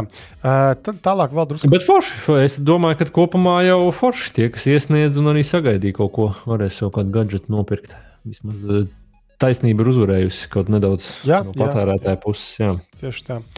Uh, vēl tad drusku ielicam uh, Microsoft un, un Windows 11 virzienā. Tad um, Microsoft tagad ir uh, piespiedis uh, šo Windows 11 klēpjdatoru portīvo datoru ražotājus, ka uz šo produktu tastatūrām ir jābūt speciālam taustiņam ar Copilot uh, simboliņu. Uh, tātad tas izsauks uh, šo te nu, mākslīgā intelekta chatbotu risinājumu, sauc kā gribi. Un man tā liekas, tik ārkārtīgi stulba un debila ideja. Tas ļoti atgādina Bixby podziņu uh, Samsung telefonos, ko neviens nekad neizmantoja. Uh, un uh, vairāk internetā, man liekas, varēja atrast rakstus, kā var piešķirt šai stulbajai pogai, fiziskajai kaut kādas citas darbības. Nu, jo nevienam to Bixby nevajag. Un, un man tas tik ļoti atgādina, jo iestrādājot normāli Windows. Zini, kā bija šī jāiedod iespēja. Es tomēr ar mani ticību vairāk ko pilotu. Es neesmu godīgi sakot daudz lietojis. Man ir Windows 11 darbā, bet uh, vajag iedot uh, iespēju. Nā, kur to problēmu viņa piespiest no saskarnes izsaukt? Nē, man, ne, zini, tas tas pats, kas ir fizisks klaviatūra iPhone. Man nav problēmas. Un, tādā no klaviatūras viedokļa es uzskatu, ka jāpieturas pie standartiem. Jā, bet, nu, lai jau ir tā poga. Un tu, tur bija tik patosa pilnas tās preses relīzes par to, ka nezinu, tur miljardus gadu laikā pirmo reizi Microsoft pilnībā revolucionizē uh, tastatūru. What the fuck? Zini, kas ir labāk, godīgi sakot, komandu un spējas uz MacBook. Viņš uzreiz atver to uh, spotlight. Es domāju, ka kāpēc, nu, tāds variants arī būtu pat ērtāks. Ja meklētāji, ja spotlight. Tas, Jā, jā, jā tādā ziņā. Tā kā. mm, jā, Bet, nu, kaut kā vajag nopārdot Windows 11, varbūt arī jā. kaut vai tādā veidā. Un, Uh, tālāk, tālāk, tālāk, tālāk uh, kas tur bija vēl? Uh, tāda jauka lieta bija tiem, kas lieto Android un uh, Google Maps navigācijai.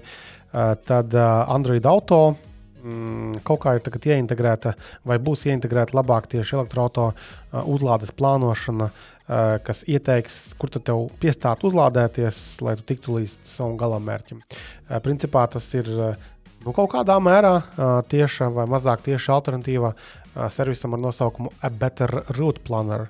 Um, kas arī ir, tu ievadi galamērķi, tu norādi informāciju par savu elektromašīnu, un uh, tad tev pateiks, ok, tātad, lai tu tiktu tur, tur un tur, uh, tev ir jāpiestāj uzlādēties šeit, šeit, te, tad vēl tur un tur.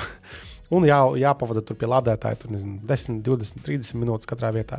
Un tad vismaz mēs te uh, ziemā, uh, tā kā internetā visi Twitterī cīkstējās, cik tev vajag laika, lai aizbrauktu līdz Prāgai. Nu, tu iesi, iesi to Prāgu, un tad tu redzi, jā, ka tev tur nezinu, tikai 17 reizes ir pa ceļam jāuzlādējas. Es reāli gaidu, bet tev jau. Bet uh, tu domā, ka tā iz- izanalizēs, kāds ir modelis, vai viņš kaut kā video patēriņam. Nē, nē, tu, tu norādi, tu norādi pats. Tā ā, norāda, kāds ir modelis. Ja? Tu norādi, vismaz Better Road Planner gadījumā, tu norādi, kāda tev ir mašīna, kāds tev tur patēriņš, bet tur var pat solīt vēl tālāk, iet, tu vari ar to um, OBD dongli automātiski nolasīt informāciju par baterijas atlikumu, un automātiski mm, tā navigācija pielāgosies. Viņi zinās, ka, ah, tu neaizvilksi tagad līdz nākamajam lādētājam, kur tur tuvākais ir. Man ir beidzot no Anšia dabūts donglis, kas darbojas ar ar uh, Android telefonu man tikai vajag pamēģināt visu saslēgt kopā, lai Uh, varētu kaut kur pamēģināt aizbraukt. Kaut kādā pavasarī. Tur ir Android. Man ir uh, ket telefons, viens, ko mēs izmantojam siltuma mērīšanai un ierīcēm. Ah, okay. Lūk, un uh, vajag pamēģināt vienkārši visu saslēgt, jo varētu būt interesants eksperiments, kā tas darbojas un cik ir sakarīgi. Kaut kādā pavasarī gan jau būs jāmēģina kaut kur tālāk ar to auto aizbraukt. Kaut vai pa Baltiju. Nezinu. Good luck!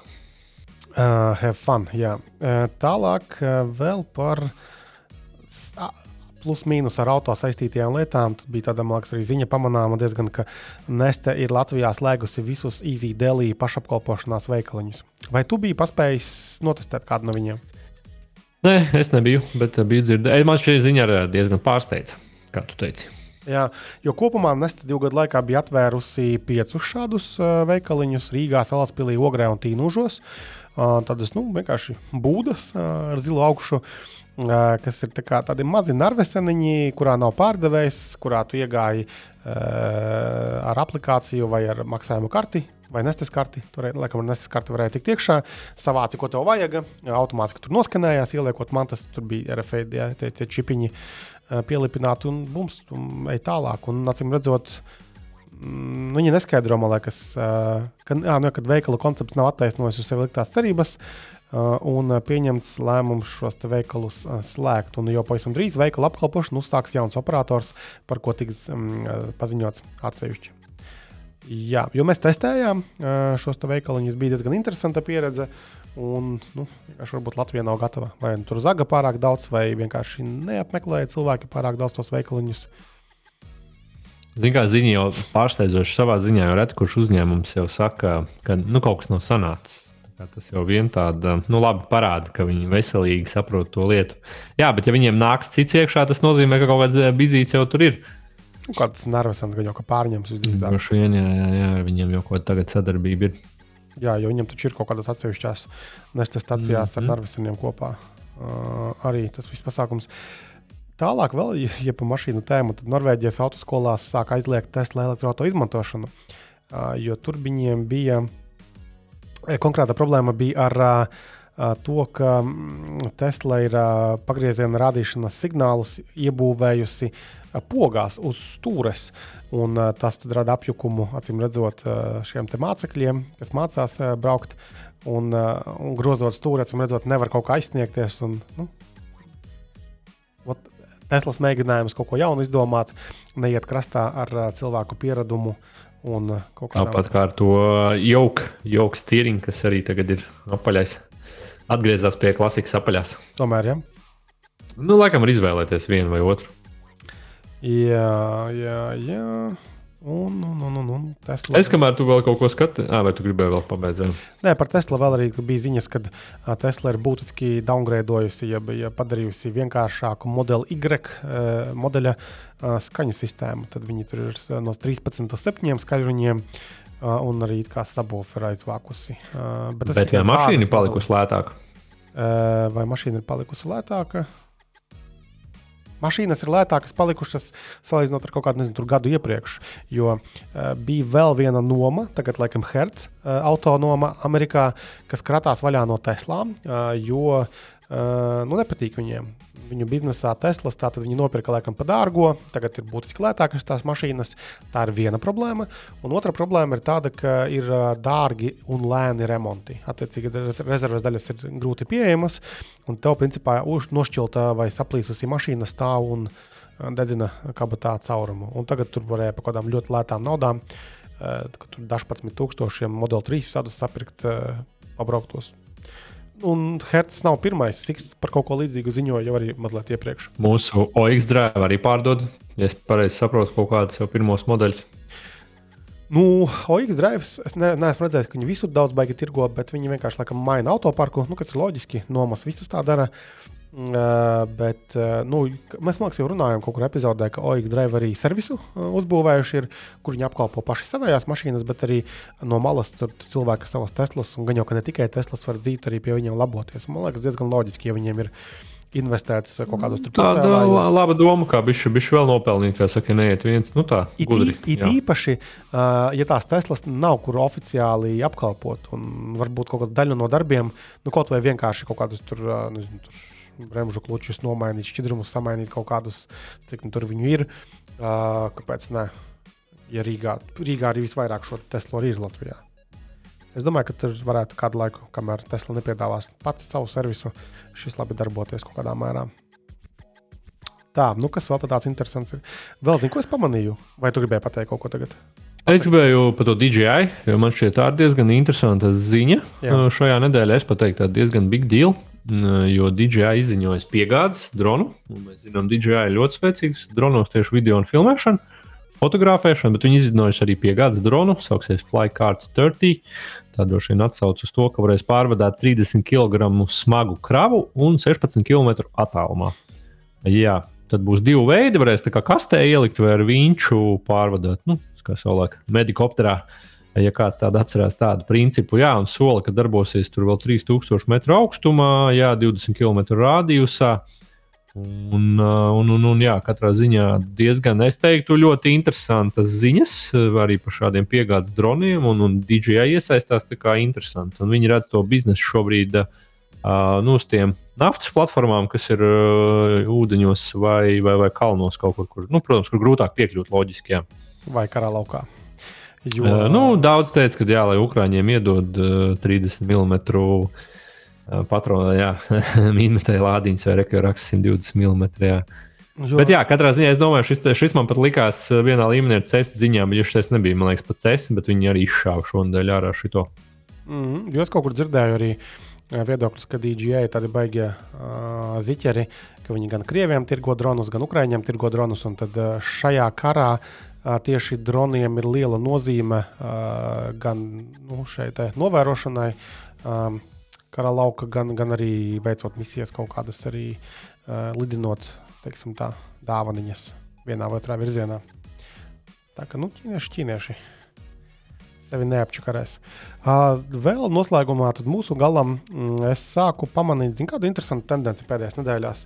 Kaut kāds otrais vilnis ar atlaišanām tehnoloģiju uzņēmumos ir sācies. Uh, Uh, bija. Uh, Jaunais gads. Jā, nu, pagājušajā gadā mums labi visus sabaidīja, ja tur tūkstošus tādus, tūkstošus šitādus. Uh, bet Vokur tā tad bija Twitch trešdaļu darbinieku atlaidis, uh, nu, kas ir zem Amazon. Tad Amazons bija izformējis uh, Audible uh, kaut kādus tur cilvēkus. Uh, Google bija tūkstoš darbiniekus atlaidis. Uh, Unity, tātad video spēļu šis engine, jeb dzinēja izstrādātājs, atlaidis 25% jeb uh, 1800 darbiniekus. Un, un vēl bija kaut kāda, es neatceros, kurās kompānijās, bet Fitbit kaut kāda vadība aizgājusi. Instagram bija vienu slāni ar menedžeriem, atlaiduši 60 cilvēkus. Tā kā, it kā nav tik traki tie layoffs, kā bija uh, gadu iepriekš, uh, kad bija viss drūmi un, un, un, un nesmuki, uh, bet ir atkal kaut kas sabiezējams. Laikam jauns gads tīrīšanās uzņēmumos. Un tie, kas komentēja, uh, Tur atkal nolasāms, jā, ka nu, joprojām cīnās ar to, ka bija izauguši pārāk ātri, pārāk strauji, pārāk lieli. Un, acīm redzot, tagad pa gadu vēl sapratuši, kur var nogriezt, nooptimizēties. Tagad tāds optimizācijas gads. Jo banku teiksim, šie te procenti joprojām ir augsti. It kā lielāka nepatī, nepaliek tas pats Euribors, man liekas, laikam viņš noslīdējis uz leju. Ir, kas praktiski nozīmē, ka nauda joprojām ir dārga. Salīdzinot ar tā, to, kāda tā bija pirms dažiem gadiem, Un, attiecīgi, tev ir ierobežotākas iespējas, acīm redzot, kaut ko jaunu attīstīt, un tev jādomā, kā optimizēties, kā pelnīt vairāk no tiem pašiem klientiem, vakarā subscriptioniem kaut kādiem un, un visu pārējo. Lūk, tā kaut kā. Vai tu lasi kādu grāmatu tagad, Henrij? Jaunā gadā? Uh, nē, es vēl turos pie tās pašas dūnu, bet es pieņemu, ka tev ir atkal kaut kas jauns, ko tu gribi padalīties. Jā, protams, protams. Tā tad es pabeidzu lasīt to uh, Master of Doom to grāmatu par tiem Quake un Doom radītājiem, tad es sāku meklēt, ko varētu palasīt vietā. Es pameklēju vienu, es sāku lasīt Satjas Nadellas, to nu, Microsoft vadītāja tagadējā grāmatu, bet viņa kaut kā tik smagnēji lasījās un kaut kā man vēl neaizgāja. Un tad es atvēru tā tīri testam palasīt pāris lapuses par vēl vienu video spēļu uh, grāmatu, saucās Blood, Sweat and Pixels. Uh, Un, wow, es esmu jau liekas, pāris nodaļas izlasījis. Un, uh, šeit... Tur Discordā gadījumā neieteicis. Ja? Es nezinu, kas, kļūdos. Ah, es, labi, okay. man, man jau bija sen atrasta, un var jau būt ieteicis arī, jo tiešām super viegli lasāma grāmata. Un tur ir nevis par kaut kādām vienu vai, vai divām video spēlēm, bet tur ir katra nodaļa par savu uh, video spēli. Tur, piemēram, par Uncharted, uh, par, um, uh, par Diablo, par uh, Witcheru būs. Respektīvi, arī labi zināmas video spēles, un tur tas grāmatas autors tur ir iedziļinājies, ir runājies ar šiem izstrādātājiem. Un ļoti interesanti, nu, piemēram, tā, kad es spēlēju tādu Uncharted vai to The Last of Us. Uh, uzzināt nu, to backstory, piemēram, tur, kas, tur, kas tur sanāca, kas, kā, kāda cilvēka tur veidoja to spēli, un kas tur bija grūti, kas tur bija viegli. Tiešām ļoti, ļoti viegli forši lasās tā grāmata. Un, ja tu gribi uh, palasīt par šo jomu, lai vēl vairāk būtu izbrīnīts par nu, to, cik grūti ir biznesa šīs video spēļu, un ka katras lielās video spēles izlaišana principā ir brīnums, uh, kas varēja nenotikt, uh, bet notika, tad ļoti rekomendēju. Lūk. Un tur mm, būs jādomā drīz jau ko nākamo lasīt. Galvenais lasīt, galvenais kaut ko interesantu jaunu uzzināt. Tā, Henrij, vai ir vēl kaut kas tāds? Nu, ko... Cepur tev nost, uh, ka tu tik aktīvi vari lasīt. Es tikai varu, man patīk iPadā lasīt. Es esmu bijis atradis, varbūt lielāks nekā Kindle, bet uh, man patīk. Es tādā ziņā varu influencēt. Jā, es joprojām arī tajā Kindle uh, lasu, un tagad es beidzot uzstādīju arī Kindle lietotni telefonā. Un tagad vismaz man normāli sinhronizējas uh, tas, ko es lasu starp abām. Kurās lapās es palicis? Ja? Jā, un, un arī teiksim, tā, citās vietās iegūtās grāmatas arī sinhronizēs. Tev nav jānopērk no Amazona grāmata, lai viņa smuki sinhronizētos starp šīm abām ierīcēm. Tā kā labs tips un triks, kā tu vari izlasīt mm -hmm. vairāk. Bet eh, no manas viss šodien. Ok, tad uh, paldies tev, Henrij. Uh, par šo interesanto sarunu. Un es domāju, ka mēs varam ķerties klāt pie intervijas. Henrijam pagaidām sakāmā tā, tā, tā. Čau! Un tagad ķeramies klāt mūsu intervijas daļai. Sarunai mums ir pieslēdzies Lauris Nomovs, kas ir enerģijas risinājuma projekta vadītājs uzņēmumā Enefit. Čau, Lauri! Čau, Krista! Prieks tevi dabūt uz šo interviju, šo sarunu. Jo ar tevi mums darīšana jau mazliet iepriekš bija, nu ne mums, bet man. Jo tā tad kursors LV lietotā elektroautorāta mm, projekta nu, kontekstā. Tātad gan Enefit, gan arī konkrēti Lauris bija tas cilvēks, kas palīdzēja vispār tikt līdz uh, lādētājam. Un, uh, nu, tātad mājās. Pa nakti, lai es varētu uzlādēt šo mašīnu. Un tad šādas lietotas elektromašīnas gadījumā, kāda ir uh, manā eksperimentā iegādāta, tas pilnībā maina šo pieredzi ar šo mašīnu, un tas tikai uzskatāmi parāda to, cik ārkārtīgi svarīga lieta ir tomēr iespēja dabūt šo uzlādes iespēju mājās. Tieši tāpēc šo sarunu veltīsim tieši mājas lādētāju, jeb volbokšu uh, tautā sauktu tēmai. Tad apskatīsimies, kopā izrunāsim vispār. Kā saprast, kādu mums to lādētāju vajag, kā vispār saprast, ko mēs mājās varam ierīkot, cik tur jaudas, kādas vai kādas ir iespējas moderniem šiem wallboxiem, jeb, jeb lādētājiem, kāds ir tas process. Un beigās vēl arī pieskarsimies, manuprāt, interesantai tādai mazai apakštēmai, arī, ka vēl varētu arī teiksim, uzņēmumos uzstādīt šos lādētājus, kas rada labumu gan uzņēmumu darbiniekiem, gan teiksim, klientiem. Un, un es, es zinu, un es jūtu, ka Lauris varētu būt īstais cilvēks, kas varētu piedalīties šai sarunai. Tā ir Laura. Nu, es centīšos palīdzēt, atbildēt uz jautājumiem, jā, un sniegt kaut kādu ieskatu, kā mēs to darām, un kā, kāds būtu tas, tas vieglākais ceļš, un lai klientiem būtu tā pieredze vienkāršāk un bez mazāk problēmām. Jā, bet kā jau mēs parasti intervijās darām, iesākumā mēs, protams, iepazīstinām arī ar, ar mūsu sarunas dalībniekiem. Varbūt Laura īsumā pastāstīja par sevi, cik tu ilgi Enefitā darbojies, cik tu, ko tu darījis pirms tam, nu, respektīvi, kāda ir tava jomas pieredze un ko tu esi labu sadarījis savā karjerā. Tenefitā es strādāju no 1. marta, tātad pagājušo gandrīz pāris mēneši tik piesaistīts tieši uz eh, elektrouzlādes autoru risinājumu. Iepriekš es arī biju projekta vadītājs, strādājis arī saistībā ar dažādām elektroiekārtu uzstādīšanas, apkalpošanas projektiem. Iepriekš ir bijuši arī ēku apsaimniekošanas projekti. Līdz ar to mans tas, tā, tā pieredze ir saistība ar, ar, ar elektrību, ar elektroiekārtām un to projektu ieviešanu. Uh mhm. -huh. Ļoti labi, ļoti labi. Ļoti lieta noder šajā konkrētajā tavā darbā un amatā. Uh, pirms mēs runājam par, par detaļām, man liekas, ka svarīgi ir tādam, nu, tādam filozofiskajam aspektam mazliet pieskarties uh, par, par tām, par tām nu, uzlādēm mašīnas. Ja? Uh, kopumā, nu, tātad, cik tā man saprāšana šobrīd ir, ka tā lādēšana elektromašīnām var būt sākot no vislēnākā veida pie parastās rozetes, nu, uh, jeb kā viņš tur saucās, Granny. Uh, Granny Chargers. Jā. Granny Chargers jā. Tad, tā ir visparastākā rozete. Parasti mašīnām vai nu nopērkot, vai atsevišķi piepērkot, varam dabūt šo pārveidotāju. Nav tā, ka tu vari nu, kaut kur pa taisnu vadu piesprāst pie šī lādētāja. Tā tad ir, ir, ir tāpat nepieciešams šis lādētājs, un tad um, mašīna var lādēties nu, šajā maņstrāvas tīklā ar jaudu līdz 3,6 kW. Praksē noteikti bija zemāk sanāk. Ja? Nu, jā, jā, tas tā Man, man, piemēram, arī slādējas elektroautorāta. Man tas, teiksim, vieglāk izteikt ampēros, tie ir apmēram 10 ampēri, ko es dabūju no vienas rozetes, tādas parastas. Jā. Ah, nu redz, jā. Te gan atkal uzreiz ir jāpiezīmē, ja mēs izvēlamies šo ceļu, tad uh, papētām, kā, kādā stāvoklī mums ir šī te, nu, elektroinstalācija līdz tai mašīnai. Jo es esmu dzirdējis par gadījumiem, kad kaut kur, nezinu, piemēram, aizbrauc ar savu jauno šiko mašīnu. Uh, uz laukiem vai uz kaut kādām nezinu, atpūtas vietām, kaut kādās pirtiņās, kur visdrīzāk nu, mēdz būt čābīga šīs te, uh, elektroinstalācijas, un tad nu, tur vienkārši kūp un, un silst un, un, un, un, un tā. Bet man jau liekas, jā, ka, ka tie lādētāji jāņem vērā, jā, jāņem vērā ka jā, katram vadam ir kaut kāda savu pretestība un savu, savu, savu robežu. Un, un tas, tas, jebkur, jebkur arī to granītu čārģeru jāuzmanās, nevar pieslēgt pie jebkuras rozetes. Tur piemēram, ir jāpaskatās, tiešām jāpārbauda elektroinstalācija pirms slēdzas, ja tu vari nosvilināt tieši to rozeti. Jā. Mm.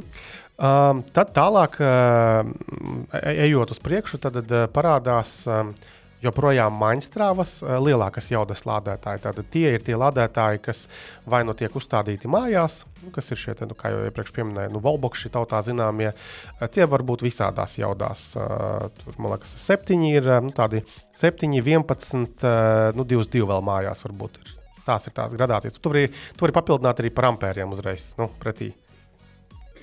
Nu, jāizšķir vienfāzes vai trīsfāzes lādētāji. Piemēram, Vien, vienfāzes lādētāji parasti tas ir um, līdz 7,4, tie ir 3,2 ampēri.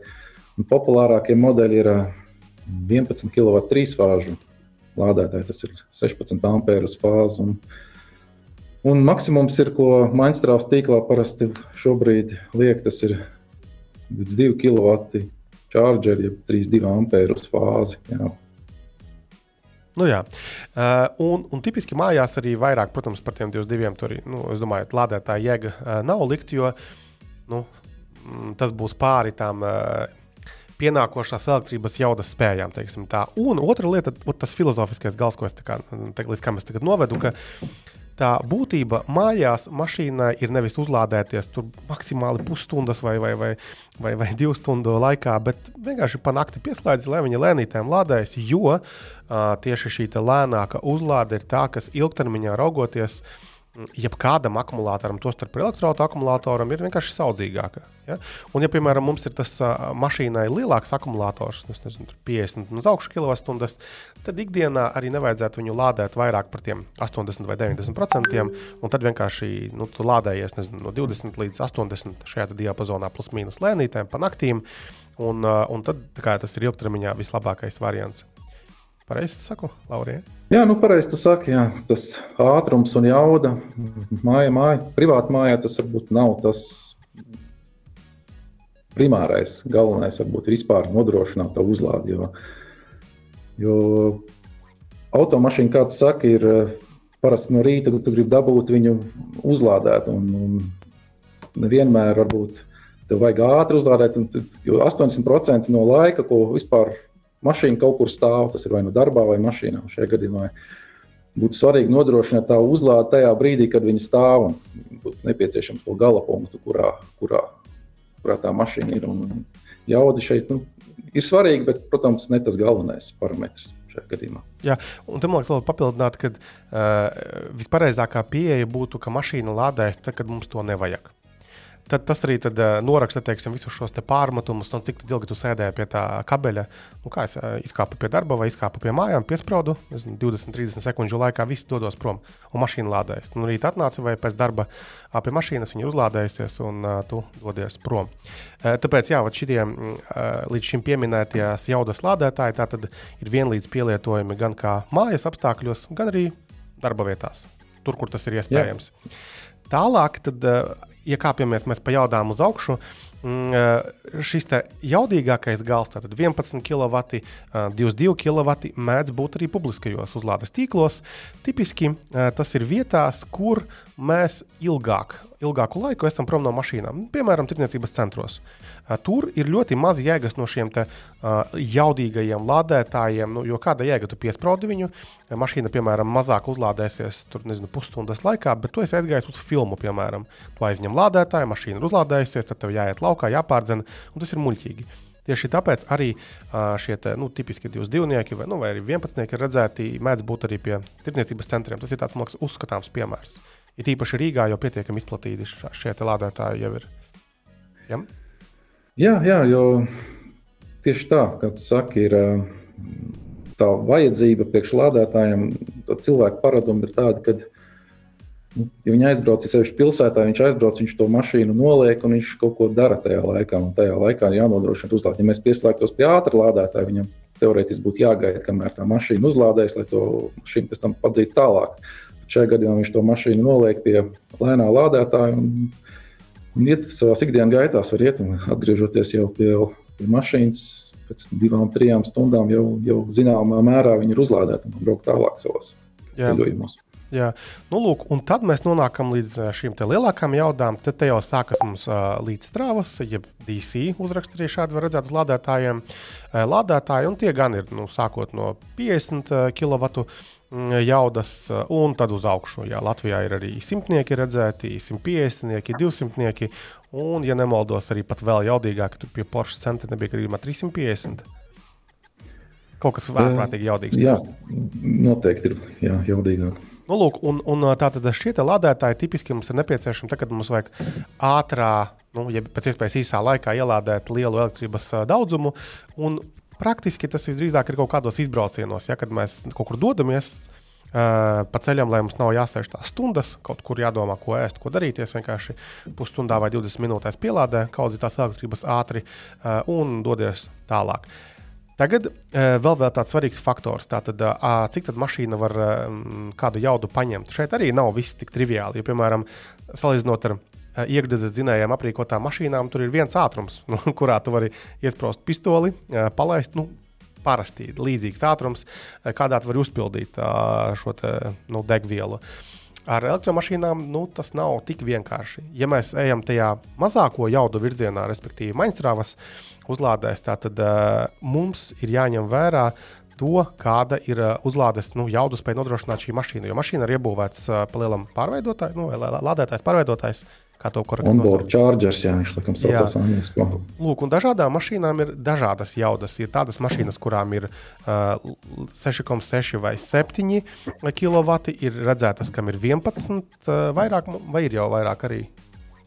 Ir arī 22 kW maģistrā uzlādes, jā, pāris mašīnām ir, bet nu, ne pārāk daudz pagaidām.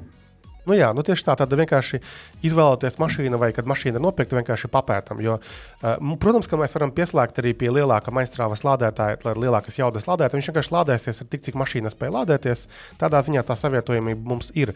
Vienīgais mums pašiem būs izpratne labāka par tiem laikiem, kas ir nu, nepieciešami uzlādēji kas attiecas uz līdzstrāvas uzlādi, tātad šiem teātriem, lādētājiem, arī tur eh, dažādām mašīnām ir dažādas spējas nodrošināt lielās uzlādes, bet tur vēl nāk Tālāk vēl viena tāda nianse, kas ir ļoti jūtama, uh, ka nu, parasti jau super ātri mēs lādējamies līdz kaut kādiem 80%. Nu, tā uzlādes līkne uh, forši turās, un pēc 80% uzlādes akumulātora līmeņa sasniegšanas, tad parasti ir strauji kritums. Jo nu, tas ir, lai tāda nekarsētu akumulātoru, attiecīgi nesamazinātu uh, ilgmūžību šai visai lietai. Vienkārši ņemam vērā uh, šādas lietas.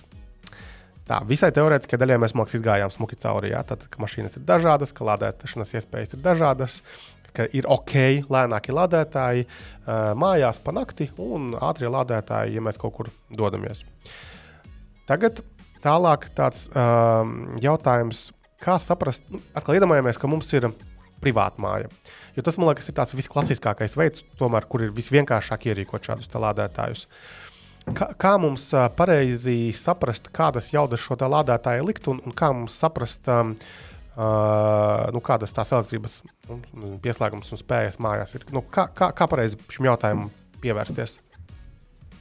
Nu, būtu jāsaka droši vien no diviem parametriem. Viens, viens ir tas uh, mājās, privāti mājās visticamāk. 99% gadījumu cilvēki gribēs maģistrāls uzlādi. Nu, nav mums šobrīd bijuši pieredze, ka klienti gribētu arī līdzstrāvas uzlādi, tur vajag liels jaudas. Tad, tipisko jāsaprot uh, elektrības pieslēgums, kāds ir mājā, cik, cik ir tā jauda un, un, un kādi ampēri var nodrošināt. Un otrs parametrs ir uh, tīri tai mašīnai, ko, ko klients ir iegādājies, nu, cik viņu spēja paņemt. Tad, tad no šiem diviem parametriem var secināt, vai, vai, vai klientam pietiek ar esošo tīkla jaudu, vai nepieciešams palielinājums, vai, vai, vai mēs varam kaut kā palīdzēt ar jaudas ar vadības risinājumiem. Tad, principā, ja es teiktu, privāti mājā nu, būtu, ja gribam mainstrāls uzlādēt, būtu jābūt vismaz trijām fāzēm. Nu, teiksim, tā, ar 16 ampēriem, ar vienu fāzi. Nu, būs ļoti grūti uzlādēt kaut kādu auto, jo tev būs jā, jārēķinās, ka tev šis, šī elektrība dalīja ar citām elektroietaisēm mājā. Un, teiksim, tā, nu, Nenovēlam klientam to pieredzi, ka viņam jāslēdz citas elektroīlītes ārā, uzlādēt mašīnu. Nu, principā, nu, mēs gribētu nodrošināt tādu, lai viņam tā pieeja būtu pēc iespējas vienkāršāka un pēc iespējas uh, labvēlīgāka lai tam, gan tam elektrotīklam. Uh mhm. -huh. Tātad trīs fāzes, um, pa 16 ampēriem katrā fāzē. Tas ir tas pieslēgums, kā, ar kuru pietiktu arī, lai lādētāju uzstādītu. Kādas jaudas lādētāju mēs varam uzlikt? Principā mēs varam uzlikt jebkuru trīs fāzes lādētāju, bet nu, mums tad ir jāliek, jāsamazina pašam lādētājam jauda, vai jāliek slodzes vadības risinājums. Tas nozīmē, ka slodzes vadības risinājums ir tāds, ka mēs uzliekam vēl vienu elektroenerģijas mērītāju. Savienojam viņu ar, ar signālu kabeli ar pašu lādētāju. Līdz ar to tajā brīdī mēs redzam, kāds ir mājas patēriņš.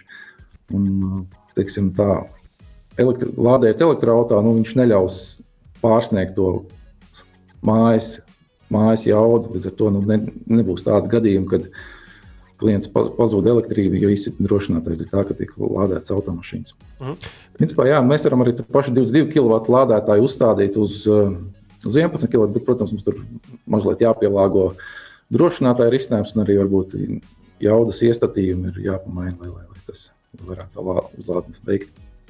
Tas tevis pieminētais um, jaudas maiņas, uh, nu, mm, ja pielāgošanas risinājums, tas ir dārgs pasākums. Aptuveni cik tas maksā? Simti? Nē, tas, tas nav. Tas, kā, mēs piedāvājam, kā papildus pakalpojumu, tas apmēram līdz 100 eiro maksā. Protams, tur ir jāņem vērā tas, ka Tur ir nepieciešams tas savienojums starp eh, tas, tas eh, elektroenerģijas skaitītājs, viņš jāuzstāda mājas galvenajā sadalījumā, jāmēra visas ēkas patēriņš. Bieži vien ir bijuši gadījumi, kad, piemēram, klients grib uzstādīt garažā šo elektrouzlādes iekārtu, viņam ir garažā kaut kāda atsevišķa sadalījuma, bet, bet mēs nevaram to skaitītāju uzstādīt tajā Garāžas sadalījums jāliek uz mājas sadalījuma. Līdz ar to no tās mājas sadalījums ir nepieciešams vilkt to signālu kabelis līdz pašam lādētājam. Dažreiz varbūt tas sanāk garāk metri caur visai mājai, bet, bet, jā, bet signāla kabelis nav varbūt pats dārgākais aprīkojums, ko teiksim, tā līdz 100-200 eiro parasti tādai privātai mājai. Nu, tas ir papildus risinājums, mēs varam nodrošināt.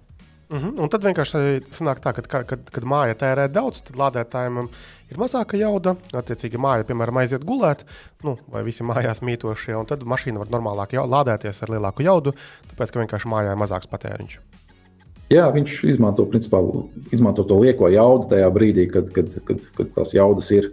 Ja viņas nav, tad, principā, nu, varbūt ja tiešām ļoti daudz citu patērētāju šobrīd patērē elektroenerģiju mājā. Tad varbūt gadījums, kad lādētājs vienkārši nevar lādēt, ja viņam jāgaida, piemēram, ka tas patēriņš nokritās. Nu, tas ir atkarīgs, protams, no katra individuālā pieslēguma jaudas. Jā. Mm, nu, galvenais risinājums ir, uh, labi, ja uh, tad, nu, klients uh, saprot, nu, vai teiksim, privātmājas īpašnieks, ka viņam par maz to jaudu ir, kur viņam jāgriežas uz sadalījuma tīkliem, lai vairāk dabūtu, vai kā tas darbojas? Jā, viņam jāgriežas pie sadalījuma tīkla, nodrošina to, to jaudas palielinājumu, jā, jāraksta iesniegums. To parasti ir diezgan vienkārši izdarīt. Viņam katram sadalījuma tīkla klientam ir tas e-sadalījuma tīkls portāls, un tur principā to jaudu palielināt. Jā. Tas ir, ja viņi ir pieejama tajā lokācijā. Nu, tu nevari taču bezgalīgi tur gan jau palielināt. Jā, bezgalīgi, protams, nevar. Bet, bet teiksim, tā, no 16 ampēriem uz 20 ampēriem parasti diezgan vienkārši izdarīt. Nu, protams, ja tā ir jau stipri augstāks jaudas, tur grib kaut kādas DC chargers uzstādīt, nu, tur ir atkal iespējams jā, jāveido jauns pieslēgums. Tas jau ir sarežģītāk un varētu izmaksāt stipri dārgāk. Jā. Mm -hmm, okay. Bet, uh, labi, un kāds ir tas viss process? Tātad, piemēram, okay, mēs pie, pieņemsim, esam sakārtojuši, lai mums ir uh, pietiekami jaudas nu, šie, šajā uzlādes vietā. Uh, tad mēs sazināmies, nu, piemēram, ar jums, Enefit. Tur mums mājaslapā var aizpildīt eh, šo kontaktformu normāli. Kas notiek tālāk? Kā tas, kāds ir tas viss, eh, tie soļi, kas tiek spērti līdz tam, kad ot, viss eh, saņemiet, varat lādēties? Jā, pirmais aicināt, jā, iet uz mūsu mājaslapu. Tur tik, mēs esam pastrādājuši un diezgan teiksim, tā, vienkāršu interfeisu izveidojuši, lai, lai kas, tie soļi arī principā tā ir diezgan aprakstīti. Vienkārši Mēs pie, vienkārši piesakāmies piedāvājumam, tad mēs varam izvēlēties, vai mēs gribam jaudas risinājumu, vai, vai, vai mums ir. Eh, principā tā, mums, mēs esam mēģinājuši standardizēt to procesu tā, ka eh, mēs esam aprakstījuši apmēram, cik izmaksā tāda standarta uzstādīšana, un kas, kas iet, ko ietver tie standarta uzstādīšanas gadījumi. Tie parasti ir tādi čārģis uzstādām tādās vietās, kas ir nu, apmēram 10-15 metru attālumā no tās galvenā sadalījums, mēs uzstādām uz sienas. Mums elektrības izbūve ir pa virsmu sienai, kabeļkanālos vai aizsardz caurulēs. Tas tas tāds standarts un vienkāršākais gadījums un ātrākais. Protams, klientu vajadzības var būt dažādas. Viņi varbūt grib kaut ko skaistāku, kaut kur tālāk, kaut kur uzstādīt uz zemes. Un tad šos atsevišķos jautājumus mēs parasti mūsu menedžers sazinās ar klientu un tad risina. Un tad mēs sastādām piedāvājumu, tad, tad, jā, tad klients vai nu pieņem, vai nu, vai nu domā, meklē kādu citu lādētāju. Bet, jebkurā gadījumā, šeit man liekas, tā galvenais punkts ir tas, ka šie pielāgojumi ir iespējami. Tātad jūs esat gatavi tur visu ierīkot, kā klientam vēlas. Nu, protams, par attiecīgo samaksu, kas nu, ir nu, citādāka no standarta. Jā, lai tas būtu caurspīdīgāk, mēs esam sagatavojuši arī tādu cenrādu, apmēram, lai varētu saprast, cik tas klients uzreiz varētu saprast, cik mēram tas papildus viņam maksāt. Gan papildus kabeļu metri, gan, piemēram, ja klients grib uzstādīt nevis pie sienas, bet grib uzstādīt, piemēram, uz atsevišķas kājas, cik maksā tas, tas statīvs atsevišķi. Uh, jā, mēs esam mēģinājuši aprakstīt to. to. Jo es, redzu, jo es redzu, mājaslapā, mm, ka jums ir norādīts pie tiem pašiem lādētājiem, ka uzstādīšana sākot no 370 eiro. Tas varētu būt eh, tas tevis aprakstītajos, nu, visvienkāršākajos, vis, vis, vis, vis, vis, vismazāk darbu prasošajos piemēros privātmājās, kur nav pārāk liela attāluma. Ja? Jā, tā ir tā standarta uzstādīšana, ko mums jā, tas ir. Stipri mm. vienkāršākais variants. Labi, tad vienojušies esat par, par izmaksām, par tām apstiprināti. Tad uh, brauc jūsējie montieri un reāli, realizē šo visus darbus. Ja? Jā, protams, sazināmies ar klientu, vienojamies par attiecīgo laiku un jā, šos darbus braucam un veikam. Protams, Dažreiz, ja tie nestandarta risinājumi, mēs iespējams tur jāpasūta kaut kādas papildus features, iekārtas, tad tas varbūt mazliet ilgāk laika paņem, bet nu, standarta risinājumā mēs mēģinām nedēļas laikā reizbraukt un uzstādīt to lādētāju. Mhm. -huh. Un tad tālāk, eh, atkal tā kā tas ir mājas iekšējā. Tajā, uh, nu, tīklā, tad tur nav nekāda vairāk darīšana ar citām iestādēm, nekādiem sadalījuma tīkliem. Un uh, tik cik vienkārši montieri visu tur pieskrūvē, pievieno, saskrūvē, saliek, aktivizē un tik, tā, tik, tik vien tā darba. Ja?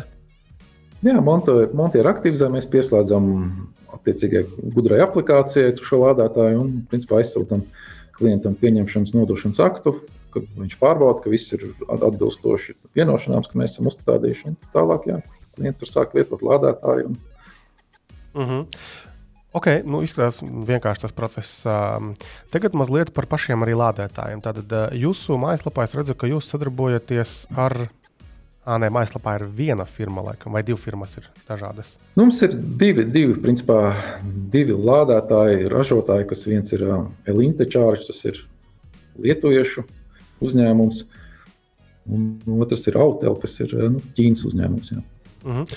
un, um, kāpēc tieši šāda izvēle lādētāju? Kāda tur bija priekšnoteikumi viņam jāizpilda, lai varētu būt jūsu piedāvājumā?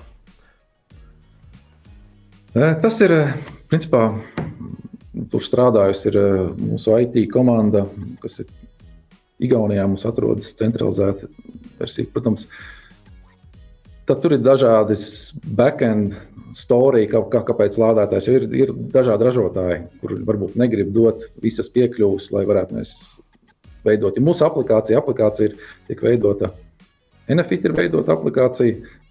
Līdz ar to mums ir viena aplikācija pie dažādiem ražotājiem teiksim, tā, ne visi varbūt ražotāji ir gatavi sadarboties. Līdz ar to tur, protams, ir, ir dažādas vienošanās. Bet nu, šie, šie lādētāji, kas ir Linta Charge, tie ir ražoti pat Lietuvā. -huh. Plus ir tāds, ka viņas diezgan ātri mēs varam piegādāt. Ja ir kaut kāds rezerves daļa, kaut kas noplīst, tad tas ir, tas, tā piegādes ķēde ir diezgan īsa. Mēs principā jau jebkuru lādētāju tur divu nedēļu laikā dabūjam.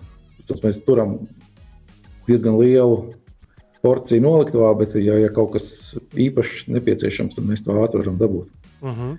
Es skatos, ka tādā mājaslapā ir uh, trīs nu, parādīti. Tur nezinu, tāda um, Elinta Homebox Slim 22 kW lādētājs, Elinta Mini 2 2x22. Tātad, ja mēs gribam vienlaicīgi lādēt um, divas mašīnas, un tad ir kaut kāds uh, vēl lielāks City Charge, kas laikam paredzēts ir uh, izmantošanai ārā kaut kādās publiskās vietās. Vai ir vēl kaut kādi modeļi pieejami kaut kur Nu, šie ir tie pamata modeļi. Jā, tas Homebox Slim tas ir tāds privāta personu modelis, kur vienlaicīgi uzlādē ir viena, viens auto.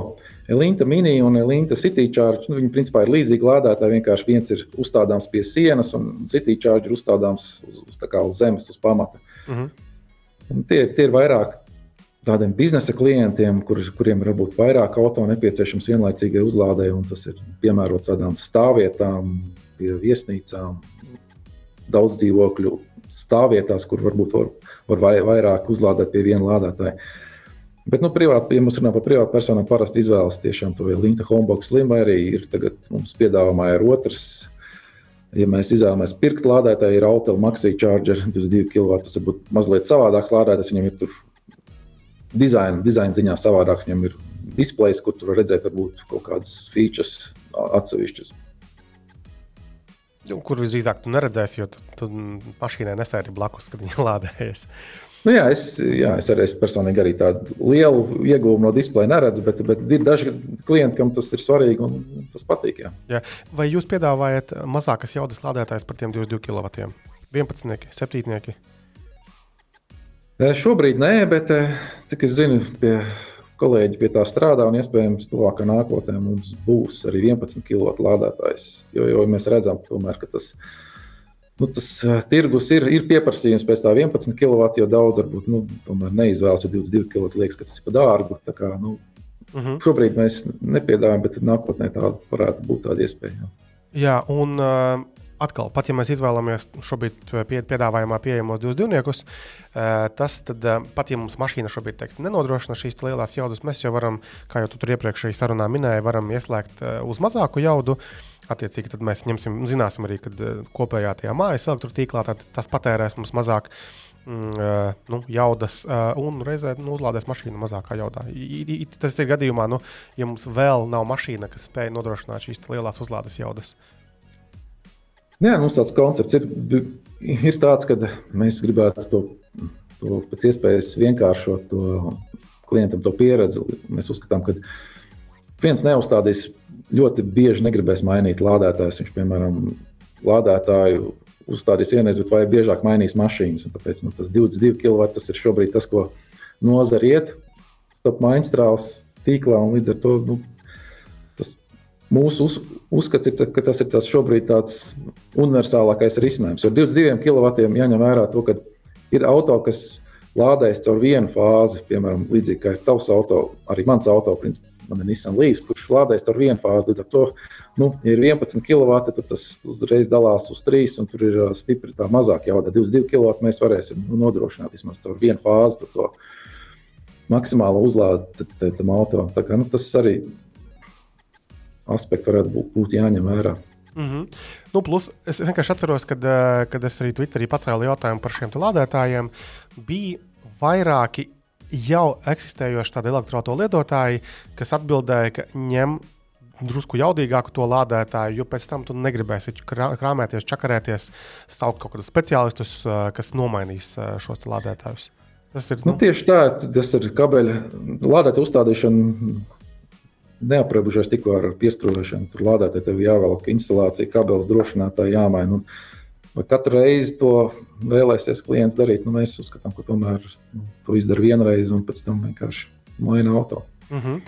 Labi, tagad vēl par to pašiem lādētājiem. Respektīvi, kā jau tu norādīji vairākas reizes, sarunā iepriekš, tātad šie te ir nu, connected lādētāji, tātad tie ir pieslēgušies pie interneta. Jā, tātad, cik es saprotu, simkarti iekšā viņos ir, jeb tajos. Un, Attiecīgi, tad, tad lādētājs sūta informāciju nu, uz kaut kādu mākoni par, par statusiem, un mēs, kā klients gala pusē, varam lietotnē redzēt tātad, informāciju par uzlādēm, mēs varam aktivizēt, mēs varam izvēlēties vairākus režīmus, uzlādes un vēsturisko informāciju. Mēs redzam atskaites, mēs redzam, cik daudz kilovatstundas ir uzlādētas dienā, nedē, mēnesī un gadā. Tā kā, tā, tā, tāda tā lieta, kas vēl par featurēm ir svarīgas lādētājiem, kas, kam būtu jāpievērš uzmanība. Manuprāt, jā, mēs, nodroši, mēs nodrošinām smart aplikāciju, saucās NFIT World Home aplikācija. Tā ir, tā ir NFIT izstrādāta aplikācija, un pie tās teiksim, tā patstāvīgi strādā. Arī šobrīd tiek domāta par dažādiem uzlabojumiem. Viņa. Bet tā galvenā feature, kas ir tās smart charging, smart charging priekšrocība, kas varbūt nemaz nav tik daudz lādētājiem šobrīd, tiksim tā, ka mēs ja klientam ir biržas tarifs, pieslēgums, tad Chargers pats izdomā, varbūt laiku, kādā zināmā laika periodā, kad tev vajag izlādēt, izdomā, kad lādēties ar efektīvāk, ar lētākajām cenām. Bet, nu, protams, ja nav klientam biržas tarifs, tas varbūt nav tik efektīvs, bet, bet tāpat to smart aplikāciju var izmantot arī dažādu pārskatu saņemšanai, regulēt eh, laikus, un izmantot kā autorizācijas rīku. Ja tu, piemēram, lādētājs tev nav gluži privāts, bet kaut kāds pusprivātā vietā, kur tu tev nepieciešama kaut kāda autorizācija, lai nevarētu jebkurš piebraukt un sākt lādēties pie tā lādētāja, tur aplikācijas uzsākt uzlādi. Jā, par šo autorizāciju ir ļoti labs punkts. Mm, tā tad, eh, nu, Atkal, uh, tur ir vairāki veidi. Uh, ja tev ir kādā puspubliskā vietā, nu, vai publiskā vietā, teiksim, tas lādētājs, sākot no vienkāršākā, kad vienkārši iebūvē kaut kādā kastē metāla ar atslēgu, esmu redzējis arī šādus risinājumus. Nu, kaut kādā mērā tas darbojas. Tad uh, nākamais, protams, ir RFID kartiņas, nu, tipiskas uh, kartes. Uh, pieliki, aktivizējās lādētājs, un, un tad, tad, tad tu brauc fonē, bet lādējies, vai arī tad pilnībā no lietotnes. Un tad jūsu šie lādētāji Visi piedāvā RFID un lietotni. Teiksim tā, privātie lādētāji, ko mēs piedāvājam, tie ir Homebox, Slim un AutoCharge. Tie, tie tiek pieslēgti Enefit Volt Home aplikācijai. Tie piedāvā autorizāciju gan no aplikācijas, gan arī mēs varam izsniegt arī RFID kartiņas, un tās RFID kartiņas klients pats var ievadīt, izņemt jebkurā brīdī un sākt autorizāciju ar RFID kartiņiem. Uh, Tām juridiskām personām, kas ir tie chargeri V2 un mini, mēs šobrīd varbūt pie aplikācijas nepiedāvājam, bet, bet tā tiek strādāts un iespējams nākotnē arī mēs slēgsim klāt viņas tam Enefit Vault Home aplikācijai. Jā. Šobrīd tur ir iespēja ar RFID kartiņām autorizāciju veikt. Mm -hmm. um, labi, un uh, cik maksā šie lādētāji? Tā, nu, lādētājs, protams, var apskatīt cenas mūsu mājaslapā, bet eh, nu, tas, tas, tas lētākais lādētājs šobrīd varbūt ir, ir Auto Maxi Charger 22 kW, kas ir Cena viņam, es tagad skatos, pats mājaslapā ir no 999 eiro, un plus uzstādīšana tas ir 429 eiro. Tur, tur viņam nāk, varbūt tā, tā standarta, viņš ir mazliet dārgāk kā standarta uzstādīšanai, viņam tur nenāk līdzi varbūt drošinātāji, tie ir atsevišķi mums komplektā jānopērk. Un tad, tad, protams, tad visas cenas principā ir uz augšu. Nu, no, mm -hmm. Tālāk no 1800 līdz pat dārgākais AC chargers ir 5,5 tūkstošiem. Nu, redz, jā, un kop, kopēji te, teiksim, tirgu raugoties uz šiem lādētājiem, to cenas, nu, vispār lētākie volbokši, ko esmu redzējis, es domāju, ka cik iedzīgie, vismaz 11 km uz augšu, sākas no kaut kādiem 400, nu, vairāk 500 eiro. Attiecīgi, Kopumā tas nav gluži lētākā ierīce, bet atkal jūsu gadījumā visdrīzāk tā cenas pamatojums, es tā pieņemu, ir vienkārši tas, ka tas ir tie viedie lādētāji, tie, kas sūta nu, šo informāciju uz, uz, uz, uz, uz, uz, uz mākoni, lai mums būtu forša ērta vadība no nu, mākoņu servisa, no klauda. Jā, nu mēs arī cenšamies nodrošināt teiksim, to lādētāju komplektāciju, visu, kas klientam nepieciešams. Ir daži lādētāji, kas varbūt nāk bez kabeļa. Mēs vienmēr, mūsu lādētājs ir ar kabeli nodrošinām. Jā, nav mums tāda atsevišķa. Tāpat mēs, nu, mēs dodam līdzi savu simkarti. Principā par to papildus nav jāmaksā. Un trešais variants, kā tu teici, smart charging funkciju dodam. Tāpat arī uh, Mēs varam vienmēr būsim klāt, ja lādētājiem kaut kas notiks, mēs to diezgan ātri varēsim novērst un redzēt, kas ar lādētāju notiek arī attālināti. Starp, starp, starp citu, par tiem kabeļiem runājot, nevajag domāt, ka kabeļi ir kaut kāds nieks, ja, kas ir nu, mazsvarīgs. Pirmkārt, uh, uzstādot šo lādētāju, padomājiet, lūdzu, cik tiešām metru garu šo kabeli vajadzēs. Uh, jo atkal es pēc savējās pieredzes redzu, ka standartams laikam tur 5-metrīgais vai 4-metrīgais bija, eh, ka nu, prasītos garāku. Nu, jo atkal dažādām mašīnām, dažādās vietās ir šie uzlādes mm, porti, ja pieslēg vietas, un lai nav tur nezinu, jākarina tas kabelis pāri mašīnai, nezinu, draudot apskrāpēt krāsu, tad padomājam par to. Un tie kabeļi nemaksā lēti. Normāls tas Type TV kabelis maksā 200-300 eiro.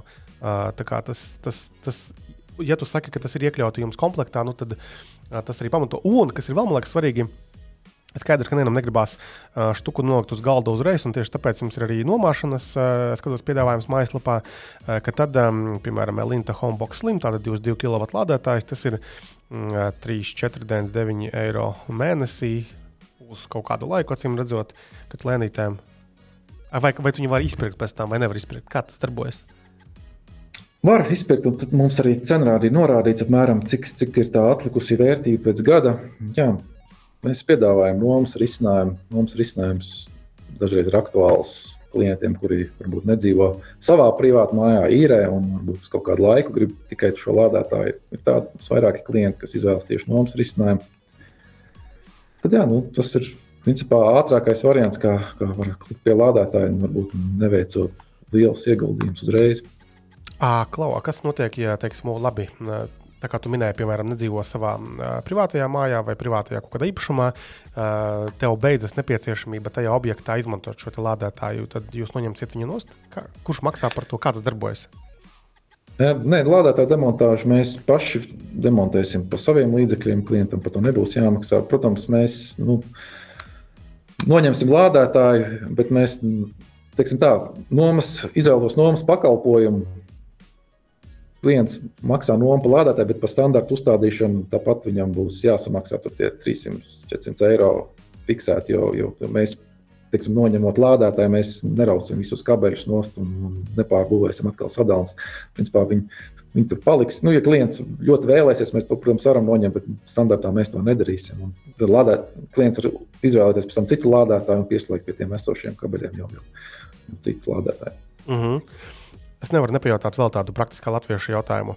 Uh, jūsu speciālistus var uh, nolgot uz uh, kabeļu atvilkšanu, bet uh, uzstādīt kaut kādu citos veidos nopirktu lādētāju?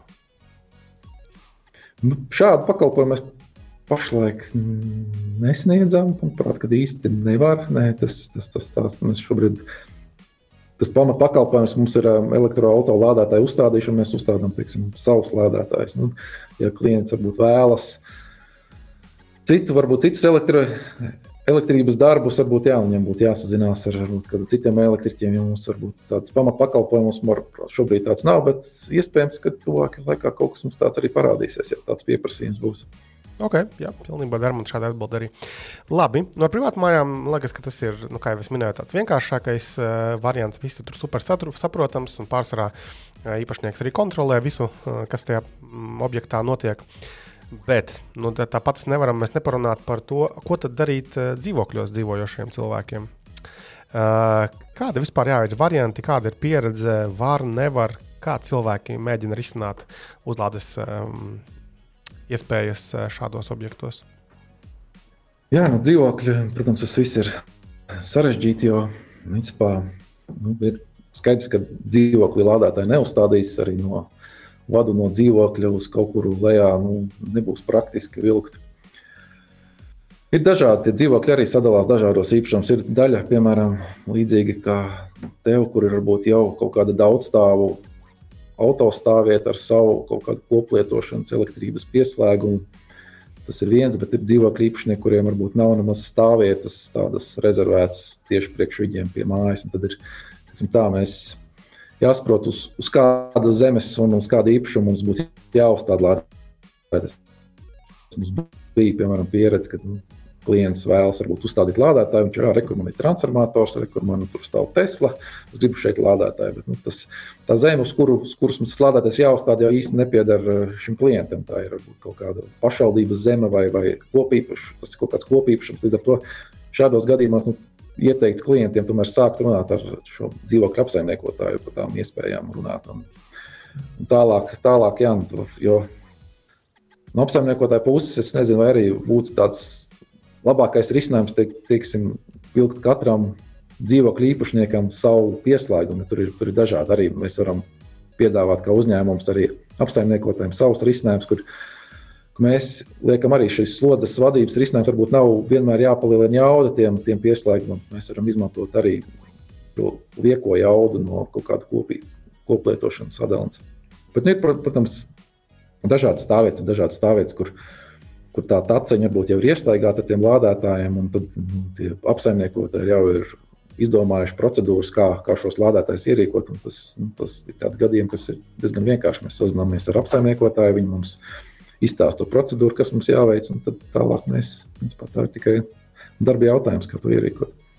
Nu jā, tas mans novērojums ir tāds, ka pagaidām tas ir tiešām tādos nu, nu, bērnu autiņos, visa šī joma Latvijā, jo ir maza nu, nepārāk daudz teiksim, tā, piemēru, kur, kur dzīvokļu īpašniekiem tomēr ir šāda iespēja. Jo es esmu dzirdējis par gadījumiem, kad jā, tātad, ja arī piemēram kādos centra mājās, kur ir iekšpagalmi kaut kādi, ka tur spēja vienoties nu, šie dzīvokļi, kas tur dzīvo, ka jā, viņi tātad izvilks tur elektrību kaut kur tur pagalmā, pēc tam viņi kaut kā iekšēji sakārto, kurā brīdī kurš tur lādējas.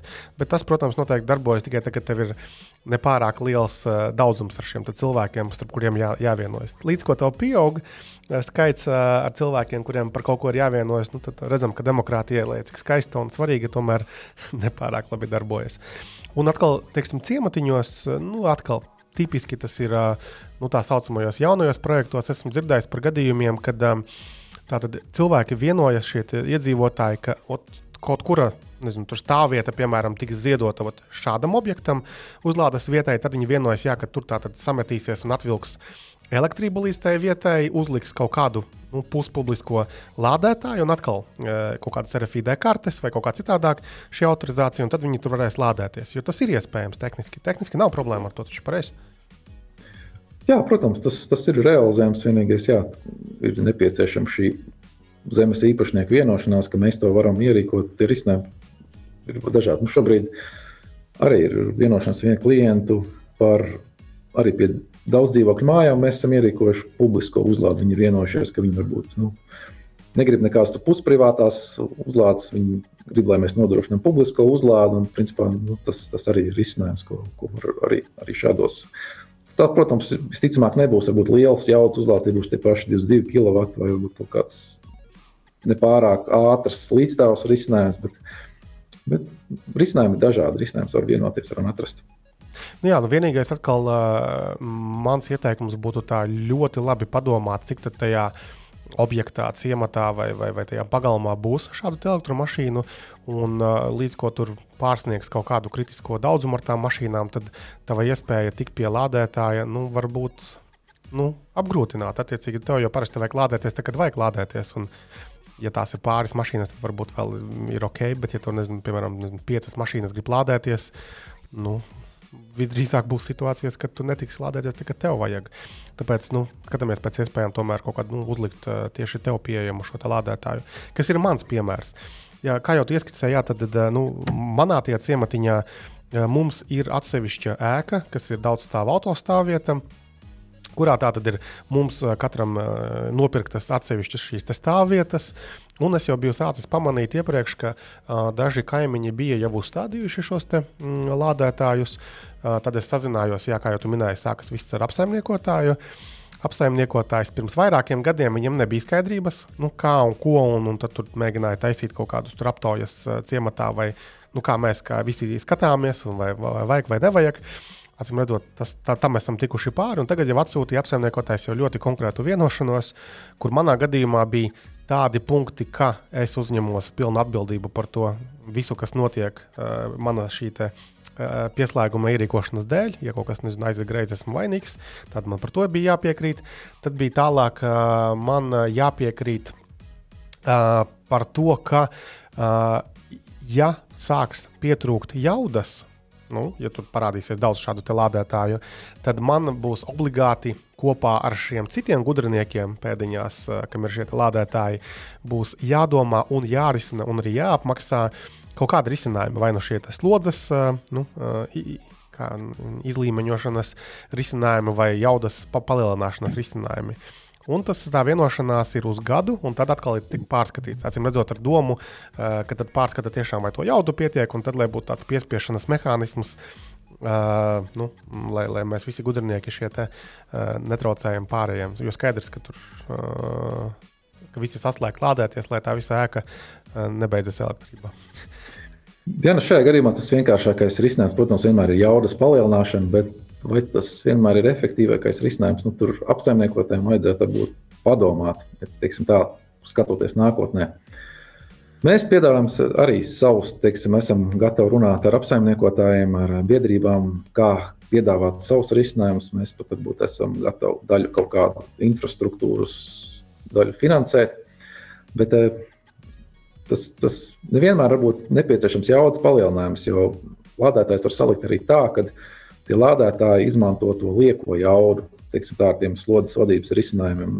Bet, bet nu, tur ir atkal jā, jāaizpildās vairākiem priekšnosacījumiem. Skaidrs, ka tur nu, nevarēs salikt eh, klienti dažādu ražotāju lādētājus. Tur, tur, protams, ir kaut kāds, ja mēs nodrošinām kaut kādu pakalpojumu, tur, tur teiksim, tā, nu, slādētājs droši vien būs jāiegādājas pie mums, bet, eh, bet nu, risinājumi, risinājumi ir iespējas un, un principā šādas pakalpojums, es domāju, ka varētu jāskatās nākotnē tiešām. Jo jaudu bezgalīgi nevar palielināt. Tas būs diezgan sarežģīti un dārgi. Vienkāršāk tomēr ir izmantot jau esošo un pieejamo jaudu. Nu jā, jā. Es, es pilnīgi paredzu, ka pēc nu, dažiem gadiem noteikti mēs apsēdīsimies ar šiem lādētājiem, kas ir uzstādījuši tajā objektā, mums būs jādomā, kā, kā darīt. Un, jo mums ir dažādi lādētāji attiecīgi ar tiem uh, slodzes sadalīšanas risinājumiem būs, būs, būs interesants. Nu, vismaz būs uzrakstīt ko kursorā. Nu, lūk, un tālāk, tad, respektīvi, kad ir vienošanās ar šo lādētāju, uh, ne, bet apsaimniekotāju. Tad var braukt, un arī brauca jūsu arī montieri. Tad, protams, ka katrā šādā objektā ir dažāds, tas nu, brutāli runājot un vienkāršot runājot, kabeļu garums, kas ir nepieciešams. Manā gadījumā tur bija diezgan daudz jāizvelk, cik tur bija 80 metri. 85, laikam, kaut kas tāds. Jā. Jā. Nu, attiecīgi, tad, tās izmaksas konkrēti manā gadījumā tieši uz ierīkošanu nu, nebija ne 300 un ne 400 eiro. Tur bija 700, 800. Kaut kas, kaut kas tāds bija. No nu, 500, laikam, tāds à, nu, bija. Jā, okay. beigās, jā. Jā, tādā ziņā, ka uh, tie, tie, tie kabeļi arī tur nav lēti. Tas būs baigi individuāli. To drīzāk uh, sazināties ar, ar, ar, ar, ar Lauru kolēģiem, un tad arī varēsiet saprast, cik tad kurā vietā ir jāizvelk un cik tas arī viss beigās maksās. Nu, lūk, atbrauca, super ātri visu uzstādīja un principā tad arī varēja lādēties. Lietotnes um, aktivizācija arī bija no sākuma kaut kādas darbības jūsu pusē, kad es uzstādu lietotni uz telefona, uh, noklikšķinu no saiti kaut kāda, kas bija e-pastā atnākusi, laikam, un, un tad viss arī darbojas. Un tagad jau kaut kāda 200 kWh man pa šo nepilnu mēnesi ir, ir, ir salādētas. Un, kā jau pašā, pašā sākumā šī, šīs intervijas arī minēja, tas pilnībā maina visu šo pieeju, un tas paliek. Nu, Reāli izmantojams arī šāds knapāks, vienkāršāks elektroautorāts tas viss ir uh, iespējams. Nu, tam, kam ir iespējams. Labi, un, un noslēgumā tad vēl tad pāris varbūt, komentāri no tevis. Mm, kā tad ir ar uzņēmumiem? Kādas uh, iespējas uh, viņiem ir gan savu autoparku, uh, ja plāno pāriet uh, uz elektromašīnām, nodrošināt ar uzlādēm, uh, vai klientiem piedāvāt kaut kādu iespēju lādēties? Um, kā, kā tu redzi, kas, kas, kas, kas darbojas kaut kur citur pasaulē, varbūt, un, un kas ir tas, ko jūs varat piedāvāt? Nu, uzņēmumiem, kā ja mēs runājam par privātām uzņēmumu, privātām vai pusprivātām uzlādēm, mēs piedāvājam principā tos pašus lādētājus, kas redzam mājaslapā. Un, principā, ļoti līdzīgi varam gan, gan arī tos pašus privāto lādētāju uzstādīt uzņēmumu teritorijās. Un uzņēmējiem parasti prasīja, varbūt viņiem pārāk bieži viņi grib paši menedžēt to pašu samaksas pasākumu, līdz ar to Mēs piedāvājam šo pakalpojumu arī tā, ka mēs arī principā, pārņemam visu to apmaksas risinājumu un, un, un menedžēšanu un lādētāju pārskatīšanu, bet nu, mēs par, parasti nu, liksim savus lādētājus, un lai, lai, lai mēs to varam arī attiecīgi nodrošināt. Tad, principā, tas uh, tehnisks risinājums ir līdzīgs. Mēs varam nodrošināt, ja ir uzņēmums klients, nodrošinām autorizāciju ar RFID kartēm, To mēs varam pārņemt arī savā menedžēšanā. Ja ir tie homebox slim lādētāji, tad, protams, mēs varam piedāvāt arī iespēju izmantot aplikāciju. Tā aplikācija var pieslēgt vairākus userus un lietotājus, kas, kas, kas, kas var menedžēt to pasākumu. Tas var noderēt arī privātā mājā, nu, ne privātā mājā, bet teiksim, nezinu, stāvvietās, kā manā gadījumā, kas ir tā tāda publiska, tomēr daļēji vieta. Bet, ja mēs tur liekam, nezinu, divi laulātie draugi. Tātad vienam lietot, no otram lietot, un tad mēs abi varam lādēt. Un tā kā arī tas iespējams ir. Jā, principā, principā pie viena lādētāja mēs varam pieslēgt vairākus lietotājus, un principā, viņam, viņam būs katram savs patēriņš. Arī, teiksim, tā jūs pēc tam varat vienoties, kurš tur ir vairāk pielādējis no tā lādētāja, kurš vairāk tas viss būs pārskatāms, redzams. Jā. Mm -hmm. Un atpakaļ pie tā uzņēmuma, respektīvi, ja mēs gribam arī klientiem piedāvāt, kāda tad ir eh, varianti mums uh, iespēja lādēties, kamēr viņš, piemēram, iepērkas pie mums kaut ko vai apkalpojas? Visticamāk, tas būs uh, tie paši RFID autorizācija, ko mēs klientam varam izsniegt, nodrošināt. Tas, tas, tas laikam, ir pats, pats vieglākais un ērtākais. Šobrīd. Vēl es esmu lasījis par variantiem, ka tu vari uzlikt arī pilnībā publisku šo tīklu, ne, bet lādētāju tavā teritorijā uzņēmumu, piemēram, Tas ir kaut kas tāds, ko jūs piedāvājat tagad, vai skatāties nākotnē? Attiecībā uz publiskajām uzlādēm, jā, mums ir lieli plāni, un šobrīd teiksim, ir aktīvs darbs pie tā, notiek, lai mēs nākamgad to tīklu Latvijā atklātu un, un paplašinātu. Līgumi saslēgti, un publiskās uzlādes arī noteikti Enefit piedāvās. Būs, mēs būsim liels spēlmans arī šajā jomā. Tā kā noteikti būs. Super. Uh, es atceros vēl vienu lietu. Uh, atkal pie tā mana piemēra, tie daudz stāvu stāvvietā. Protams, arī man uh, patika tā ideja, kad mēs sākotnēji runājām par tiem biržas tarifiem un, un, un, un visām šīm iespējām. Un ka lietotnē tas ir iespējams kontrolēt, un tur smuki arī rādās Nordpūle cenas, un tad es uh, varētu tur nezinu, super lēti uzlādēties kaut kādos apstākļos. Bet vat, realitāte manā uh, objektā bija tāda, ka uh, tai ēkai ir kaut kāds viens pieslēgums, komerciāls Un, un, un tas nav biržas pieslēgums, tas ir kaut kāds fiksētais uh, tarifs viņiem. Un, attiecīgi, tai visai ēkai tad, nu, arī tas, tas, tās izmaksas ir, nu, kādas arī ir. Ah, vēl, vēl jāpiezīmē, ka tātad, lai uh, nav nekādu stulbu jautājumu, kāpēc nezinu, tur kolē, ne, kaimiņiem būtu jāmaksā par manām uzlādēm. Mums ir kontrols skaitītājs. Pirms manējās šī pieslēguma, attiecīgi, apsaimniekotāji zina, ka ok, šito daļu piestādīt man. Nu, lūk, par to biržu.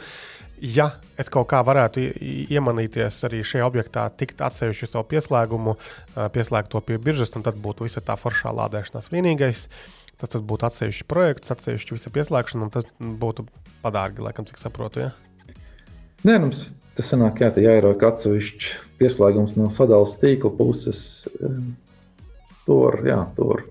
Principā to var ātri izdarīt, paprasot sadales tīklam tehniskos noteikumus, bet arī tavā gadījumā nu, tas, tas sadales tīkls skatītājs jau būs droši vien uz kaut kādas kopīpašuma zemes, un tas atkal jā, tas ir atkal saskaņošanas process, un vai tik vienkārši to varēs izdarīt. Jā. Un tāpat ir jāmaksā arī ne tikai par ierīkošanu, bet arī šo pieslēguma maksu. Eh, un, attiecīgi, tur vēl ir jārēķina, vai man tur kaut kāds iegūms beigās sanāk. Nu, gan jau, ka, ja ir super zemes cenas, tad liekas, ka varētu sanākt, bet visdrīzāk ne manā gadījumā. Nu, jā, ilgtermiņā, varbūt lielā ilgtermiņā tas kaut kādā veidā atmaksātos, bet, eh, bet šobrīd tādā īstermiņā droši vien tas izbūves maksas un, un maksa par ampēriem droši vien būs lielāks un noēdīs to ieguvumu. Jā. Un, un viss šis tikai, man liekas, vēlreiz uzskatāmi parāda to, ka nu, principā elektroautorāta eksploatācija var būt lēta, bet tas nenozīmē, ka automātiski visos gadījumos tā būs lēta. Ja? Man ir šī tāds variants, ja, kad labi, ka man vispār ir iespēja tikt pie tā lādētāja. Citādāk ziemā man būtu ļoti drūma dzīvošana ar šo mašīnu. Uh, bet, uh, jā, un, bet man atkal nav tās biržas, piemēram, jā, tas nav tas perfektais, uh, perfektā situācija. Tā kā sarežģīta ir elektromašīnā. Tur nav tāda ot, viens konkrēts veids un vienas konkrētas izmaksas. Visādi var būt. Ja būtu saules paneļi kaut kādi, ja dzīvotu kaut kādā īpašumā, kuras ir uzstādīti, būtu atkal pavisam cita uh, pieeja un citas izmaksas nu, uz pašu uzlādi, protams.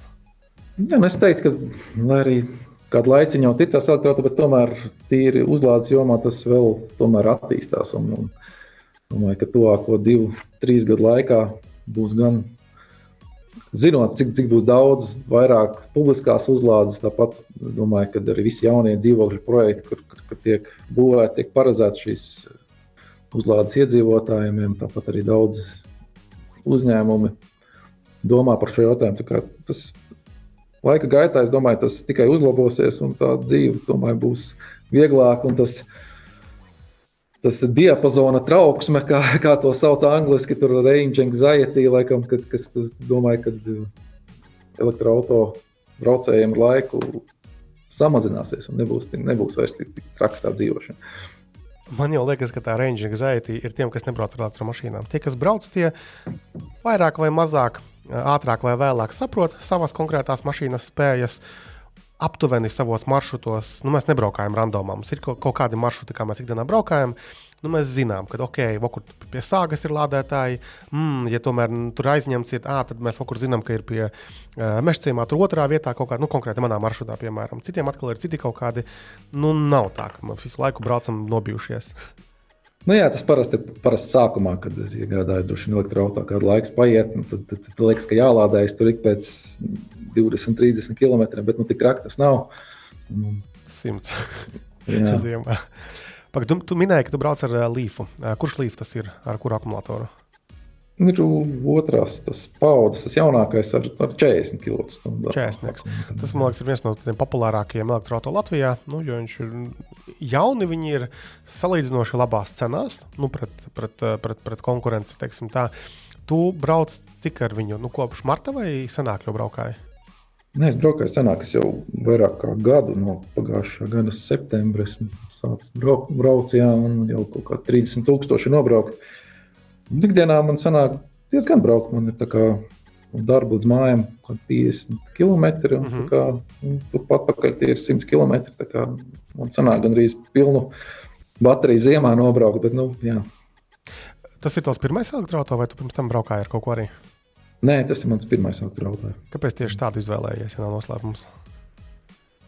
Eh, teiksim tā, Tā, kad auto izvēle būtu, man nebija tieši elektroautorāta. Man vienkārši tajā laikā, kad es pirku vispār auto, bija diezgan sarežģīti dabūt un diezgan ātri. Man vajadzēja āt, auto ātri. Tad, teiksim, tā bija iespēja mēneša laikā dabūt to tieši šādu elektroautorātu. Un, un es izvēlējos. Tagad, domājot, protams, man teiksim, uz Nissan Leaf liekas, tas lielākais trūkums nu šobrīd ir tas šādēmo ports. Un, un nākotnē varbūt gribētu varbūt kaut kādu bišķi savādāk, jo zinot to, ka publiskās uzlādes daudz atsakās no tā, no tā porta un nebūs nemaz tik iespēja, tik daudz plašas iespējas pie publiskajiem uzlādēm uzlādēties. Kā, nu, tas Tā, bet nu, ikdienas vajadzībā ļoti labi pilda savas funkcijas. Pagaidām esmu apmierināts. Cik tev reālais tās nobraukums vasarā ar viņu ir? Vasarā bija virs zem 300, manuprāt, 280 kaut kas tāds. Un tagad ziemā ir bijis ap 200, zem 200, kā tur kuru dienu rāda kaut kas tāds. Mm -hmm. Bet tā kopumā apmierināts tomēr es. Ja? Jā, jā. Kopumā apmierināts. Man tikšu, tik, tik arī esmu apmierināts ar to, ka papildus elektroautorāta dotās funkcijas gan tās sabiedriskā autojoslas, gan arī stāvēts, kas manā gadījumā ir ļoti aktuāli un katru dienu bezmazliet jāizmanto. Tas ir, jā. Un tagad vienīgais viss ir sniegiem aizkrāmēts un tā. Jā, uh, ok, labi. Tad uh, tiešām milzīgs paldies uh, par šo, manuprāt, ļoti interesantu un noderīgo sarunu. Tad atgādinu, ka uh, es tagad stundu runājos ar Lauru Naumovu, Enefit enerģijas risinājumu projektu vadītāju. Uh, paldies, uh, Lauri, par šo sarunu. Paldies! Tā? Tā.